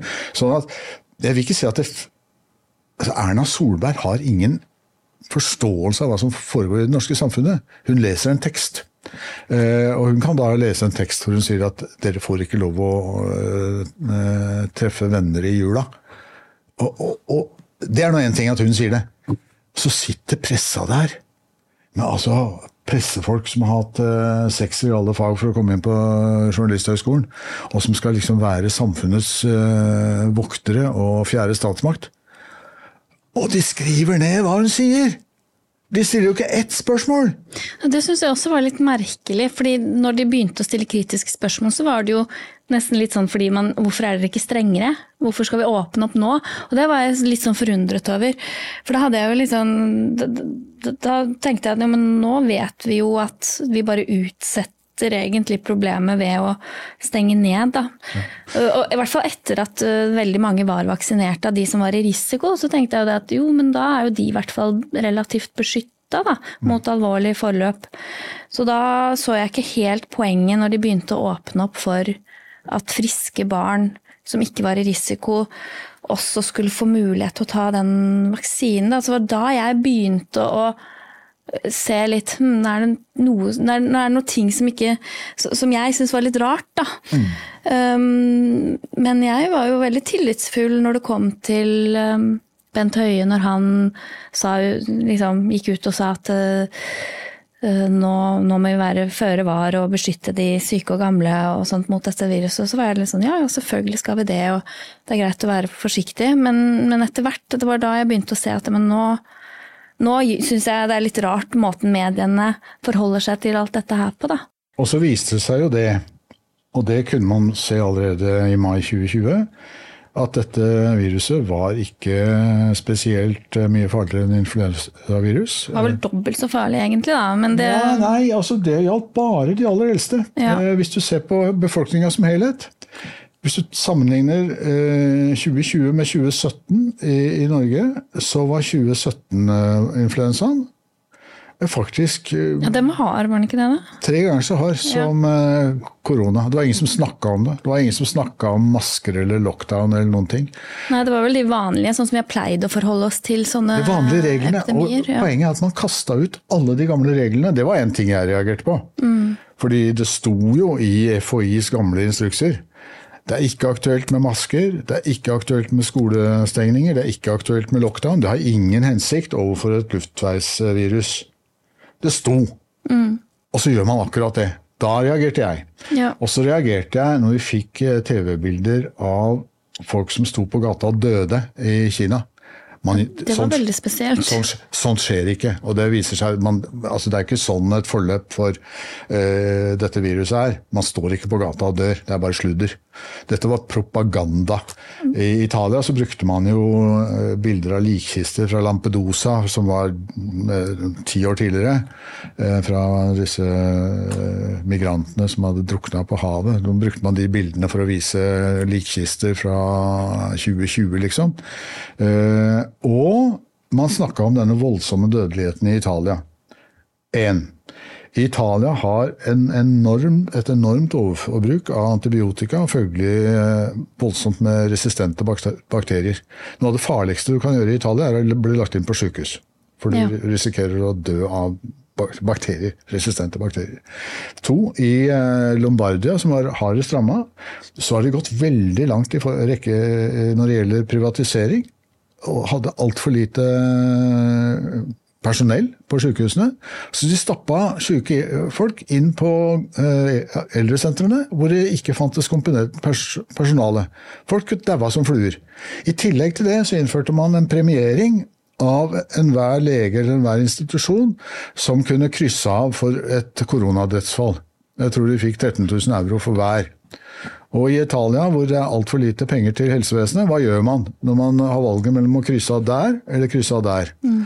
Kryss der, så blir det ikke noe. Kryss der, så blir det 13 000 euro. Jo, ganske riktig. Da kryssa man av der. Så det er en overregistrering av dødsfall. Det, det, det fikk vi praktiske erfaringer med i, i Tolfa, der jeg bor av og til. Eh, hvor, simpelthen altså, En som har dødd av en trafikkulykke, registrert som korona. Ja, fordi de hadde en positiv test, kanskje? Kanskje ikke det engang. Mm. Altså, poenget er at uh, sykehuset trengte penger. Altså, det er så enkelt. Eh, så, så, så dette var eh, resultatet av propaganda. Eh, og jeg skjønner godt at folk kan lure på dette. Men det som er livsfarlig, det er jo virkelig livsfarlig for samfunnet. Det er at det plutselig blir ulovlig å stille spørsmål. Og jeg må si, om det så om de som stiller spørsmål, så tok feil, så er det bedre at de får stilt spørsmål og får eh, svar, enn at de blir frosset ut, sånn som jo har skjedd. Mm. Eh, for hvordan skal samfunnet ellers korrigere seg? Og det er noe av det Da jeg studerte sosialismens uh, elendighet, kan du si, så var noe av det jeg reagerte mest på, det var eh, mangelen på ytringsfrihet og mangelen på eh, vitenskapelig frihet. For hvordan skal du kunne drive f.eks. en planøkonomi, da? Hvis det er forbudt å kritisere planen, hvis det er forbudt å kritisere statens direktiver, da risikerer du jo å komme virkelig ille ut. Og så gjør det moderne, kapitalistiske demokratiet nøyaktig den samme feilen. Mm. Og, og, ser ikke, vil ikke engang se at dette henger sammen med den kritikken man har vært enige om da, når det gjelder mangel på ytringsfrihet, mangel på pressefrihet osv. Og, så og så gjør man akkurat det samme sjøl. Mm. Så nei, det har vært mye å reagere på. Ja, det skjønner jeg. Og jeg vet jo ikke hva jeg skal tro om alle disse hva skal jeg si, uh, ja, all, alt det om hvordan det har vært ellers i verden, og hvordan det ble presentert i Norge. Men, men jeg så jo i hvert fall det at det var jo en del ting jeg syns skurra litt, da. Og når ting ikke gir helt mening, så tenker jo mitt enkle hode at uh, da, da, må det jo handle om enten makt eller penger på et eller annet nivå, da, uten at jeg klarer å sette fingeren på hvordan.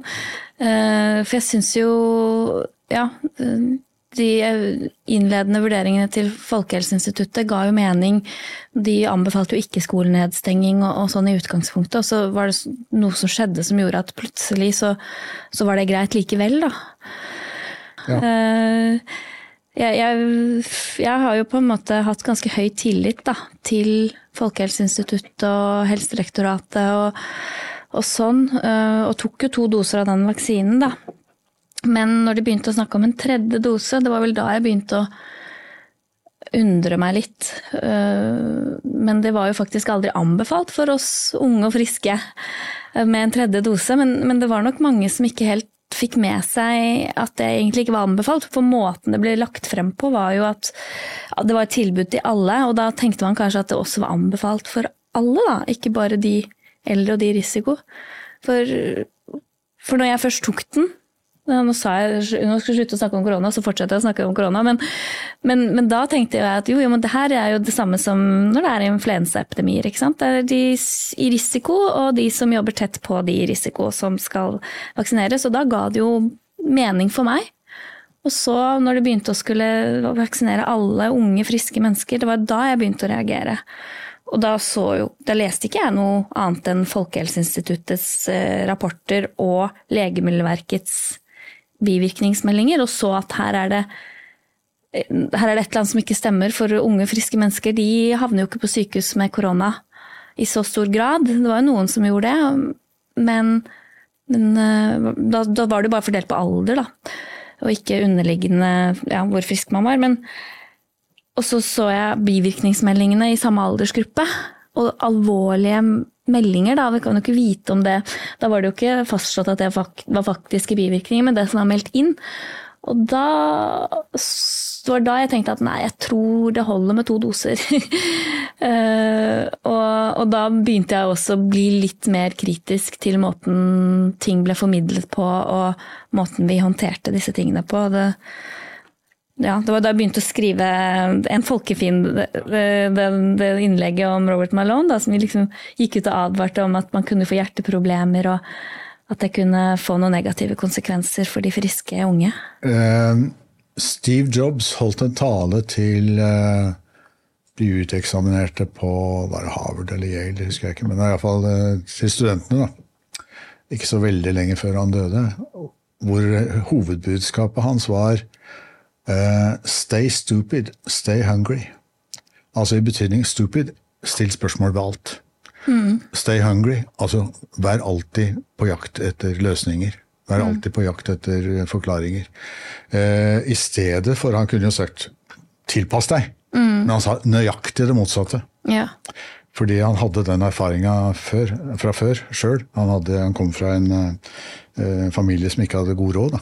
Så han valgte å ikke gjennomføre eh, universitetsutdannelsen, for han visste at foreldrene hadde ikke råd.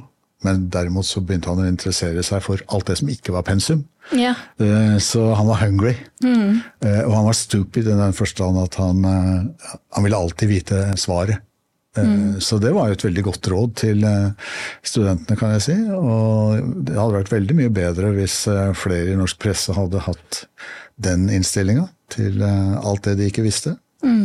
Ja. Da har du ett spørsmål igjen før vi avrunder. Ja, ja.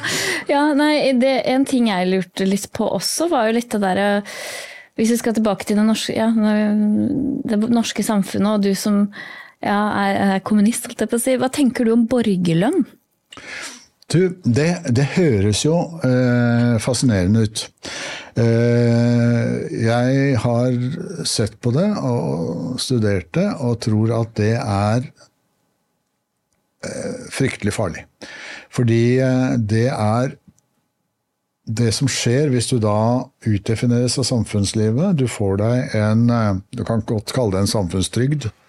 Eh, Du sier ok, du skal slippe å gå på Nav og begrunne dette. Du får x antall kroner, som er definert ut fra en eller annen minstesats. Og der er du. Da er du for resten av livet utdefinert fra arbeidslivet. Eh, Du er utdefinert fra det å ha kolleger. Du har ingen arbeidskamerater du kan stå sammen med om noe som helst. Du er et nummer i et trygdesystem. For dette er en, dette er en trygd.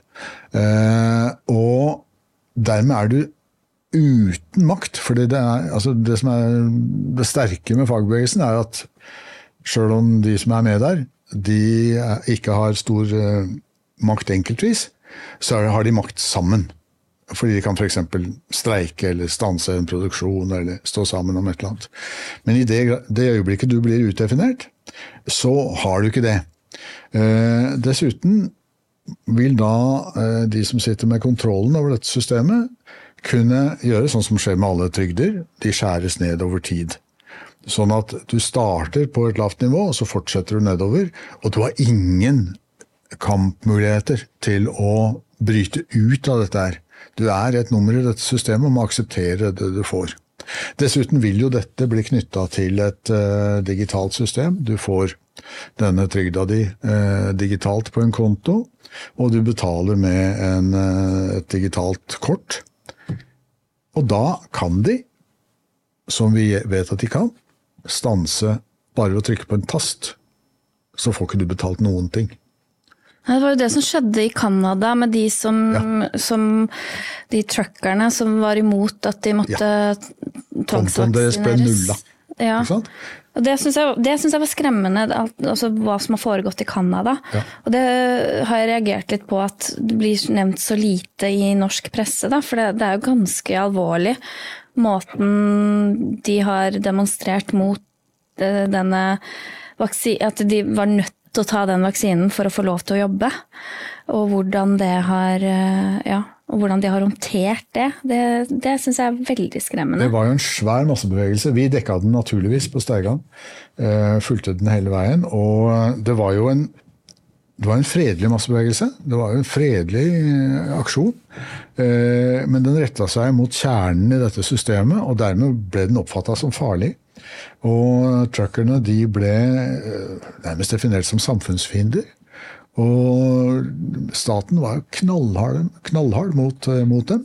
Sånn at eh, enhver demokratisk innstilt person burde jo egentlig reagere voldsomt mot dette her.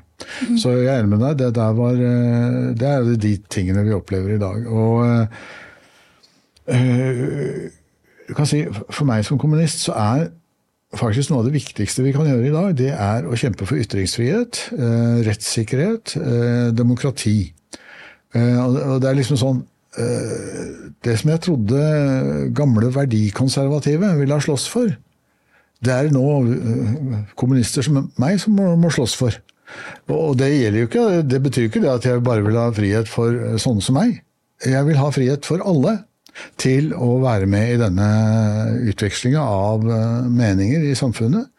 Eh, jeg er veldig mot bokboll, jeg er veldig mot uh, kanselleringskulturen. Jeg er veldig mot dette her å, å, å, fryse ut mennesker.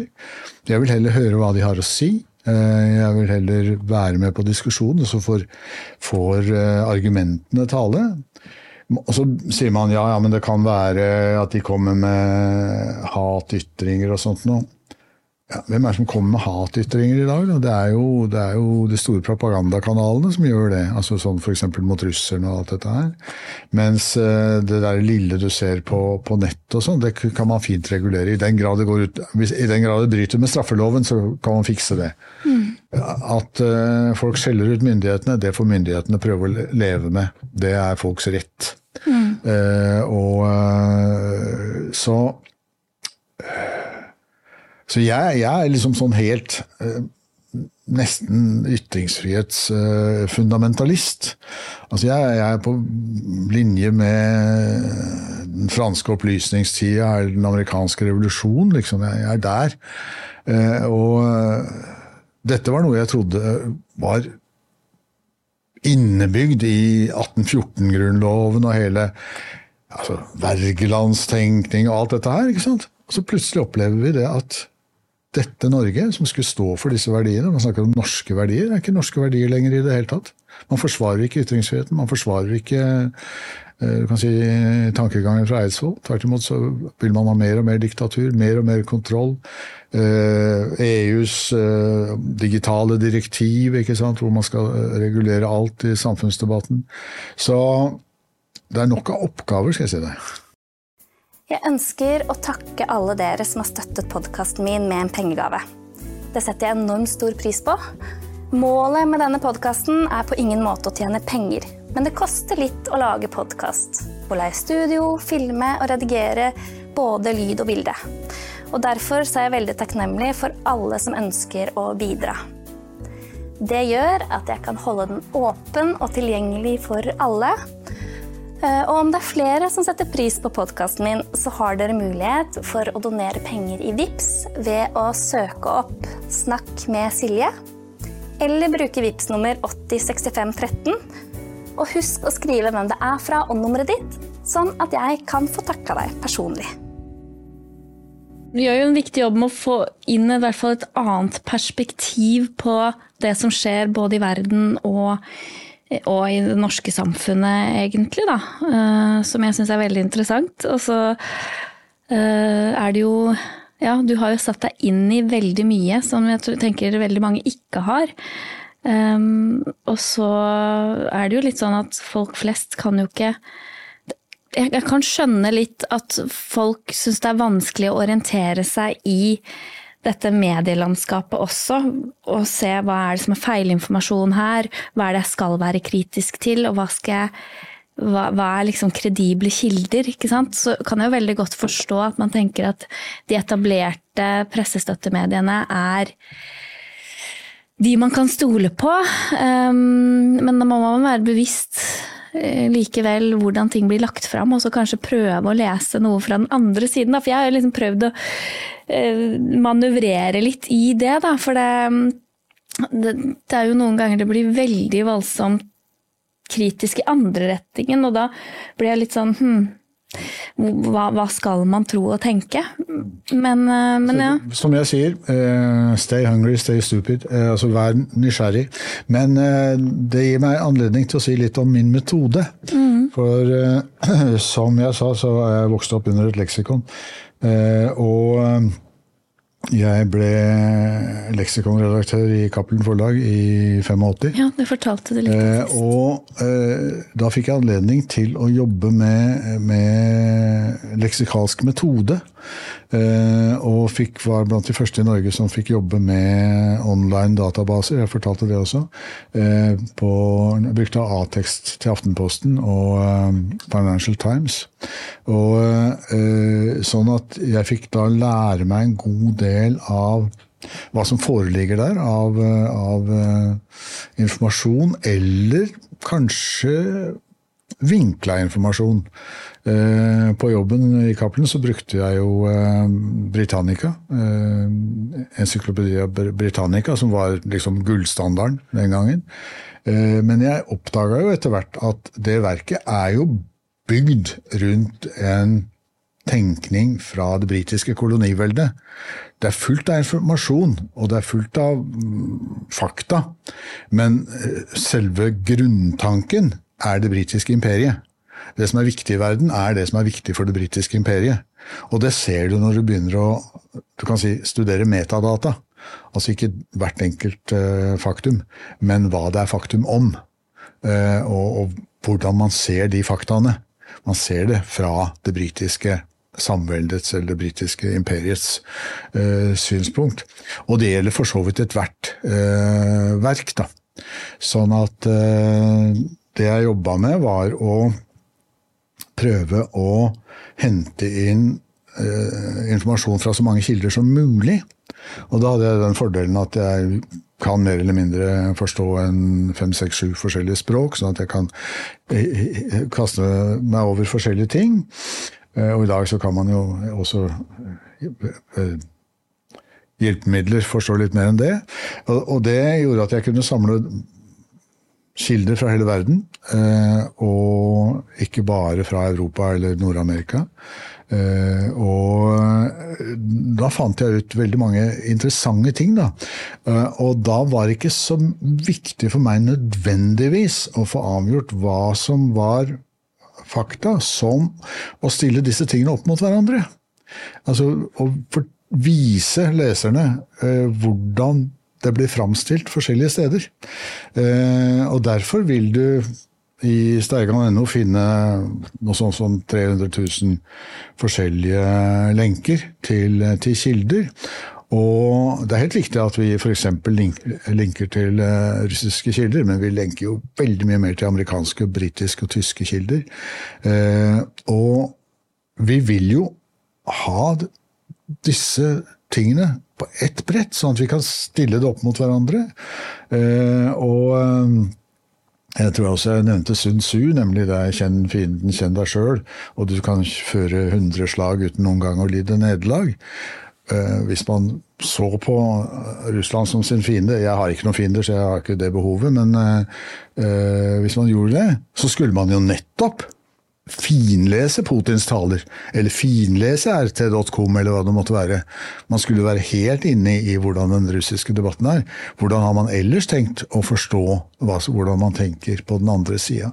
Så, så Jobben min blei på mange måter å finne det mangesidige eh, og det relative ikke det absolutte, men hvordan disse tingene er, er blitt oppfatta. Derfor gikk jeg løs på et stort prosjekt hvor jeg studerte leksikalsk tenkning fra Platon og Aristoteles og oppover. Gjennom, gjennom kristen tradisjon og opp gjennom uh, opplysningstida. Hvordan man f.eks. Uh, katalogiserte verden. Hva, hvilke kategorier fins i verden? For det vil også forme deg. ikke sant? Og da vil du se at under dette her Eh, F.eks. Eh, hvis du kommer fram til bibliotekkoden, som man bruker mye, så vil du si at under der ligger det faktisk en vestlig, nordamerikansk eh, tankestruktur. Som du f.eks. ikke vil finne igjen i India eller Afrika eller Australia. Jeg leste en bok som heter 'Ild, kvinner og farlige ting', som er en beskrivelse av uh, australspråkene, hvordan de uh, katalogiserer verden. Og det skjer på en helt annen måte mm. enn en, en vår måte å, å, tenke på. Og den er ikke feil, det er bare en helt annen, annen måte å se det på. Mm. Uh, og det ble, for meg ble det morsomt, da. Mm. og jeg var jo mye rundt i bokhandler og, sånn, og, og snakka som leksikonredaktør. Og de jeg møtte der, bokhandlere og bokkjøpere, de syntes det var morsomt å være med inn i du kan si, leksikonredaktørens eh, laboratorium, verksted, og se de raritetene som finnes der. Mm. Og som ikke er så sikre og faste som det eh, man skulle tro, da, men kanskje heller mye mer flytende. eh, og mye mer usikkert. Eh, så for meg ble det veldig interessant å få fram det. Og derfor lagde jeg en Jeg hadde et opplegg til en lærebok i multimedia leksikografi, som jeg holdt på med i, i 97. Hvor jeg, da drev jeg også samtidig og, og lagde Europas første nettleksikon. Eh, på nett. Eh, og, og, og, noe av poenget der var å bruke den anledninga når ikke lenger plass var noe behov. Nei, noe, noe, noe, noe begrensning. Nei. Altså I et leksikon på 20 bind, så er det 20 bind. Mm. Det er ikke 40 eller 400. Eh, sånn at, eh, men med, med, databaser over hele verden, så kan du plutselig gi brukerne veldig mye mer. Eh, og da var det en kar som heter eh, Steve Pepper, som hadde jobba med dette eh, fra en annen synsvinkel, mer sånn datasynsvinkel. Han og jeg vi skrevet en større kronikk i Aftenposten om dette her. Hvor vi foreslo en nasjonal kunnskapsbase i Norge med sikte på at vi kunne få noe sånt, da, hvor alle kunne bidra med sine kunnskaper og hente ut eh, kunnskaper. At man da fikk mangefasettert eh, tilgang til informasjon. Så dette har vært eh, mye av mitt min måte å tenke og leve på, kan du si. Og alltid være nysgjerrig på hva andre har å komme med, og hva som eventuelt kunne finnes i en sånn base. Og etter hvert så kunne Vi snakka om at du kan, inn, du kan lage søkbare bilder. Det er fullstendig mulig i dag. Søkbar lyd. Det er fullstendig mulig i dag. ikke sant? Og dermed blir det plutselig Egentlig burde det være veldig mye mer mangfold i dag. Og så er det så enfold. Mm. Alt er jo det samme. Altså, Med en gang de lanserer en så, såkalt talking point i USA, når de kommer med en sånn talking point, så sier alle det. Mm. Alle disse her eh, dagsrevyene rundt omkring, de sier det. We must build back better, we must build back better, we must build mm. back better. Sånn går det hele tida. Uh, we, need a, we need a new reset. We need a new reset. Altså, Mm. Og, og, sånn ser du Ukraina-krigen dekkes også. Det er det samme som står i, eh, i vestlige medier og ja, norske så, medier. Et så nytt begrep som oppsto, som jeg la merke til, var uprovosert krig. Ja, ja. Det er vel første gang man liksom har på, bare jevnt over hver gang så sier man liksom den Russlands uprovoserte krig. Og det syns jeg var litt interessant. Sånn, ja. Og der er det interessant! Og lese amerikanske medier. For de er jo mye mer kritiske til amerikansk politikk enn norske medier. Ja. Faktisk, nå kan du lese veldig kritiske artikler, eller ganske kritiske artikler, i Wall Street Journal, i New York Times, til og med i Washington Post. For ikke snakke om eh, i sånne mer fagmilitære tidsskrifter, eller i, eh, i folk som Altså veteraner fra Pentagon og sånt noe. Altså, De ville ikke sluppet til på norsk TV. Eh, for der skal alt være i, i takt med Zelenskyj. Der vil jeg si at den amerikanske medievirkeligheten er mye bedre. Enda den jo tross alt er som uh, Chris Hedges sa, han var her nå uh, i forbindelse med protestene mot utlevering av Assange. Eh, han har jo vært en av de store i amerikansk eh, presse. Var leder for eh, Midtøsten-kontoret til New York Times i ti år, og på Balkan i lang tid. En av veteranene. Han slipper jo ikke til i de store mediene lenger. Så han måtte gå ut på Substack, mm. hvor han riktignok da blir lest. Ja. Uh, I stor grad. Ja, det er veldig mange som er på Substack som har blitt litt sånn kansellert ja, ellers. Seymour Hirsch, ikke sant? som mm. jo også var en av de helt store. Og dette er uttrykk for en sykdom i samfunnet. At de aller beste hodene våre, de aller beste mm, skribentene og de mest kunnskapsrike gravejournalistene blir uh, satt på gangen. Mens de uh, som er totalt uten talent, men er veldig flinke til å skrive av andre, de får eh, regjere dagen.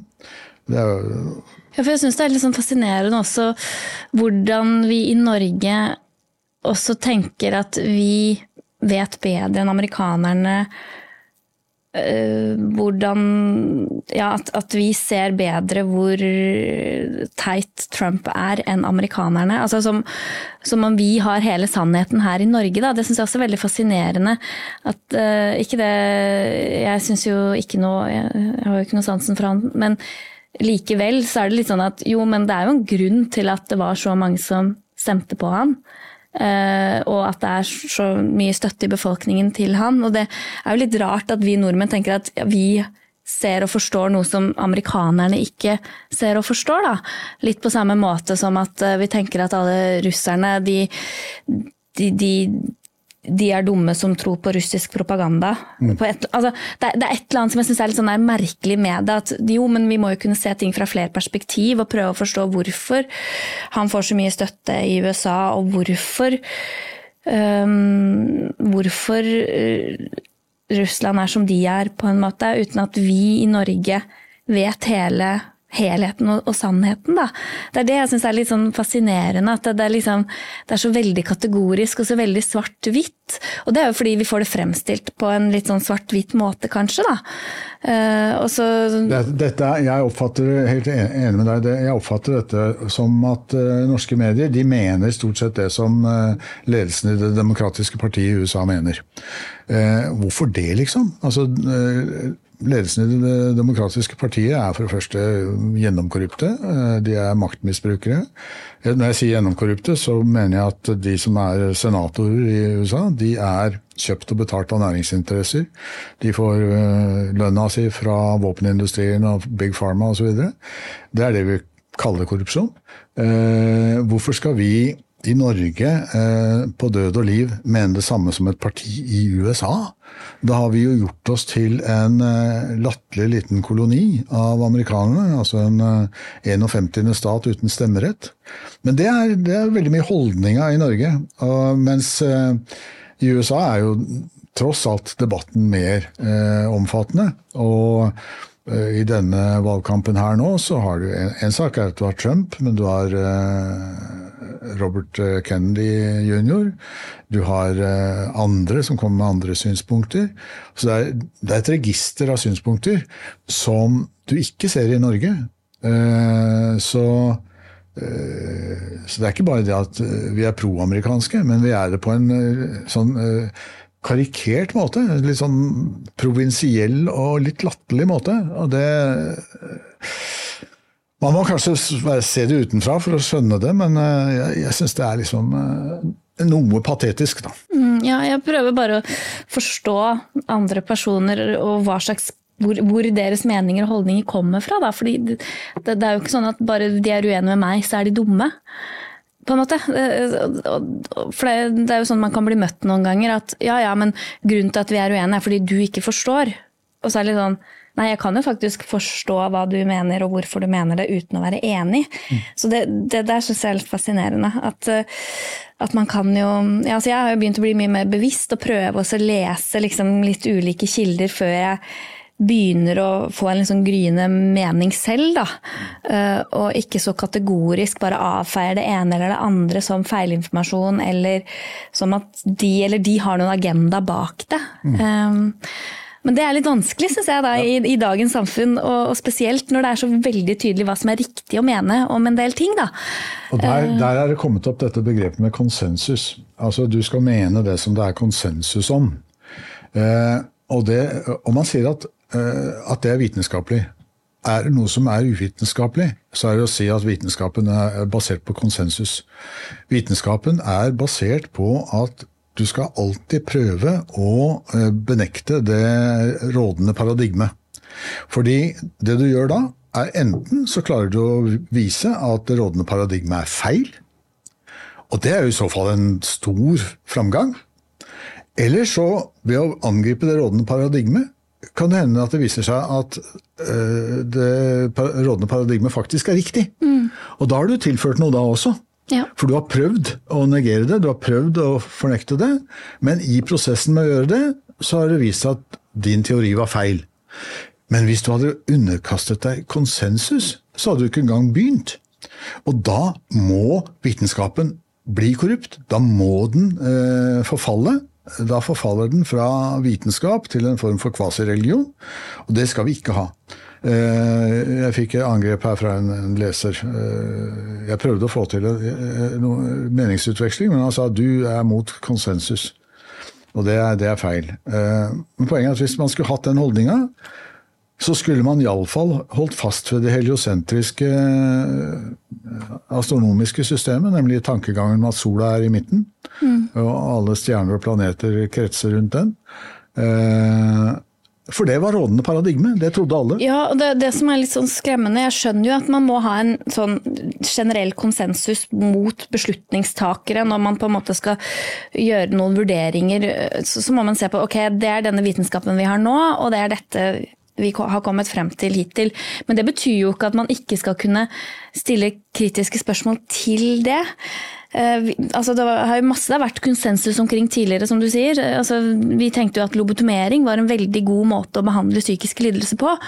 Men det har vi jo gått bort fra. Men om man ikke kunne begynne å stille kritiske spørsmål mot det, er vi sikre på at dette er en god metode å bruke, eh, så ville vi jo ikke ha kommet frem til at det kanskje ikke er det. Det var faktisk rasehygiene var det konsensus om før annen verdenskrig.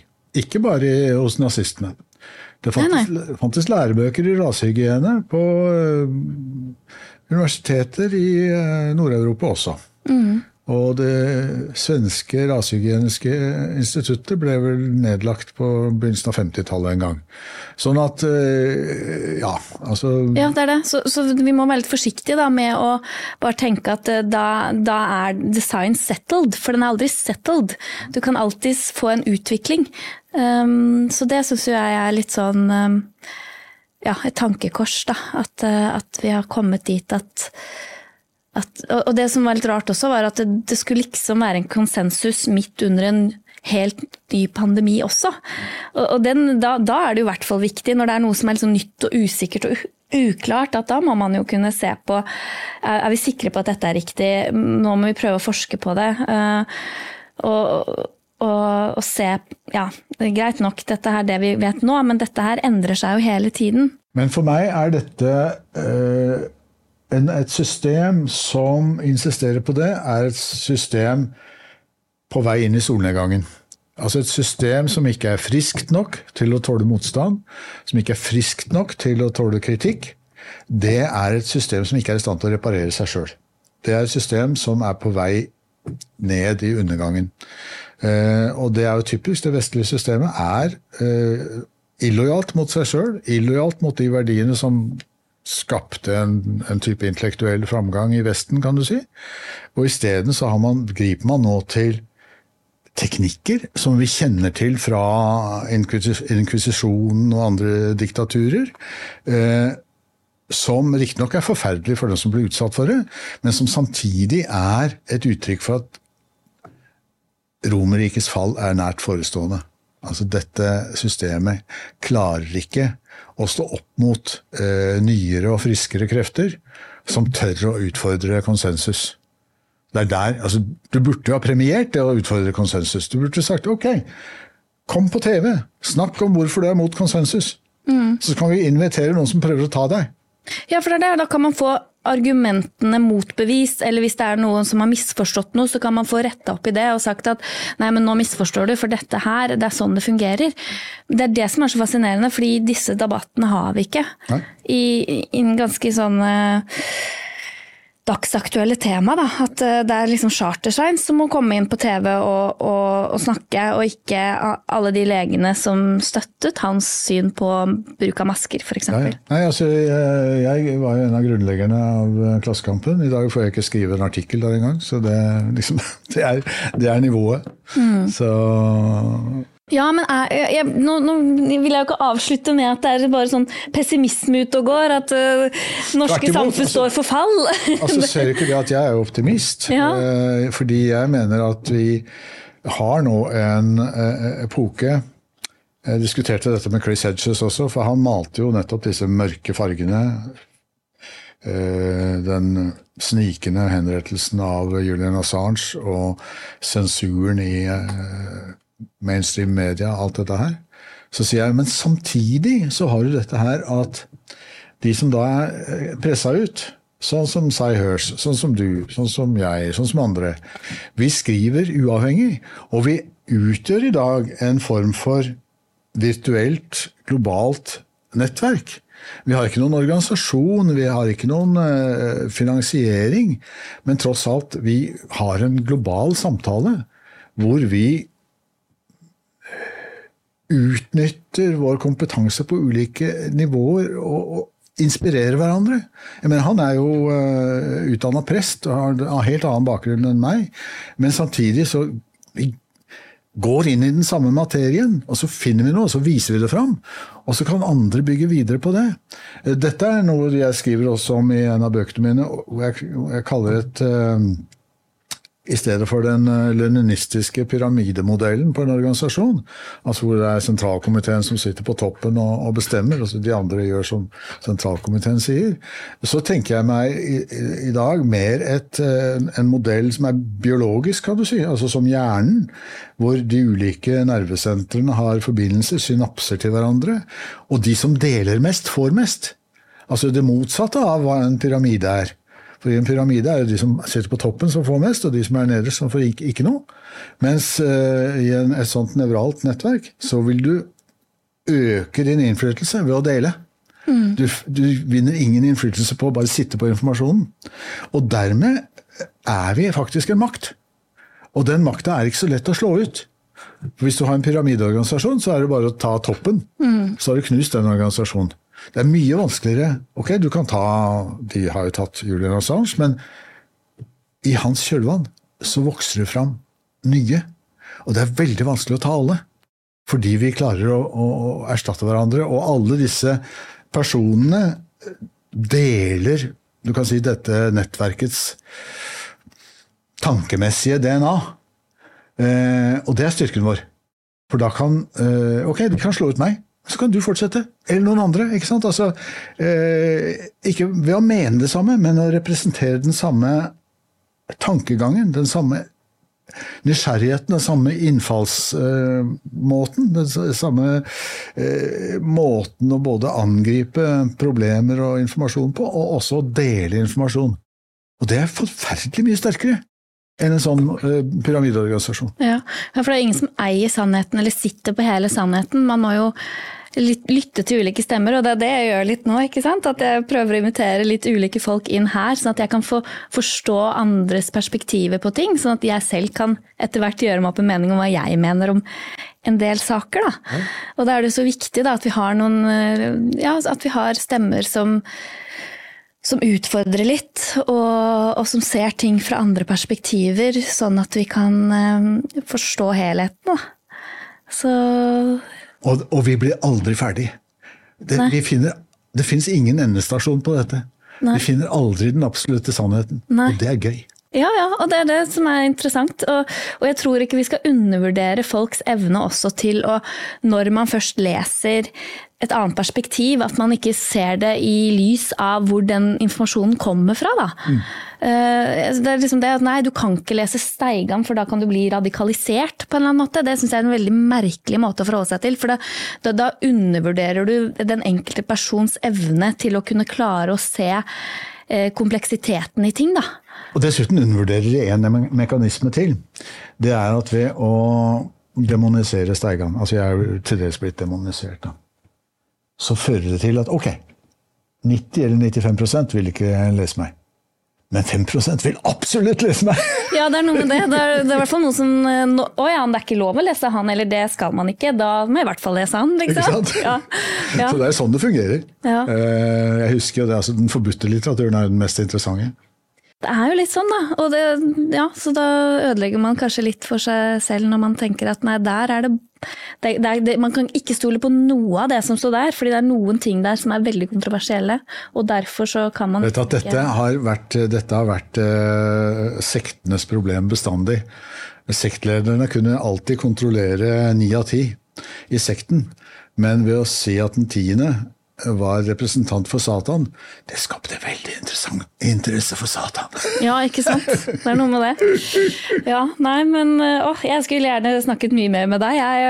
Og, men, men, vi kan vel kanskje runde av her nå for å, for å ja.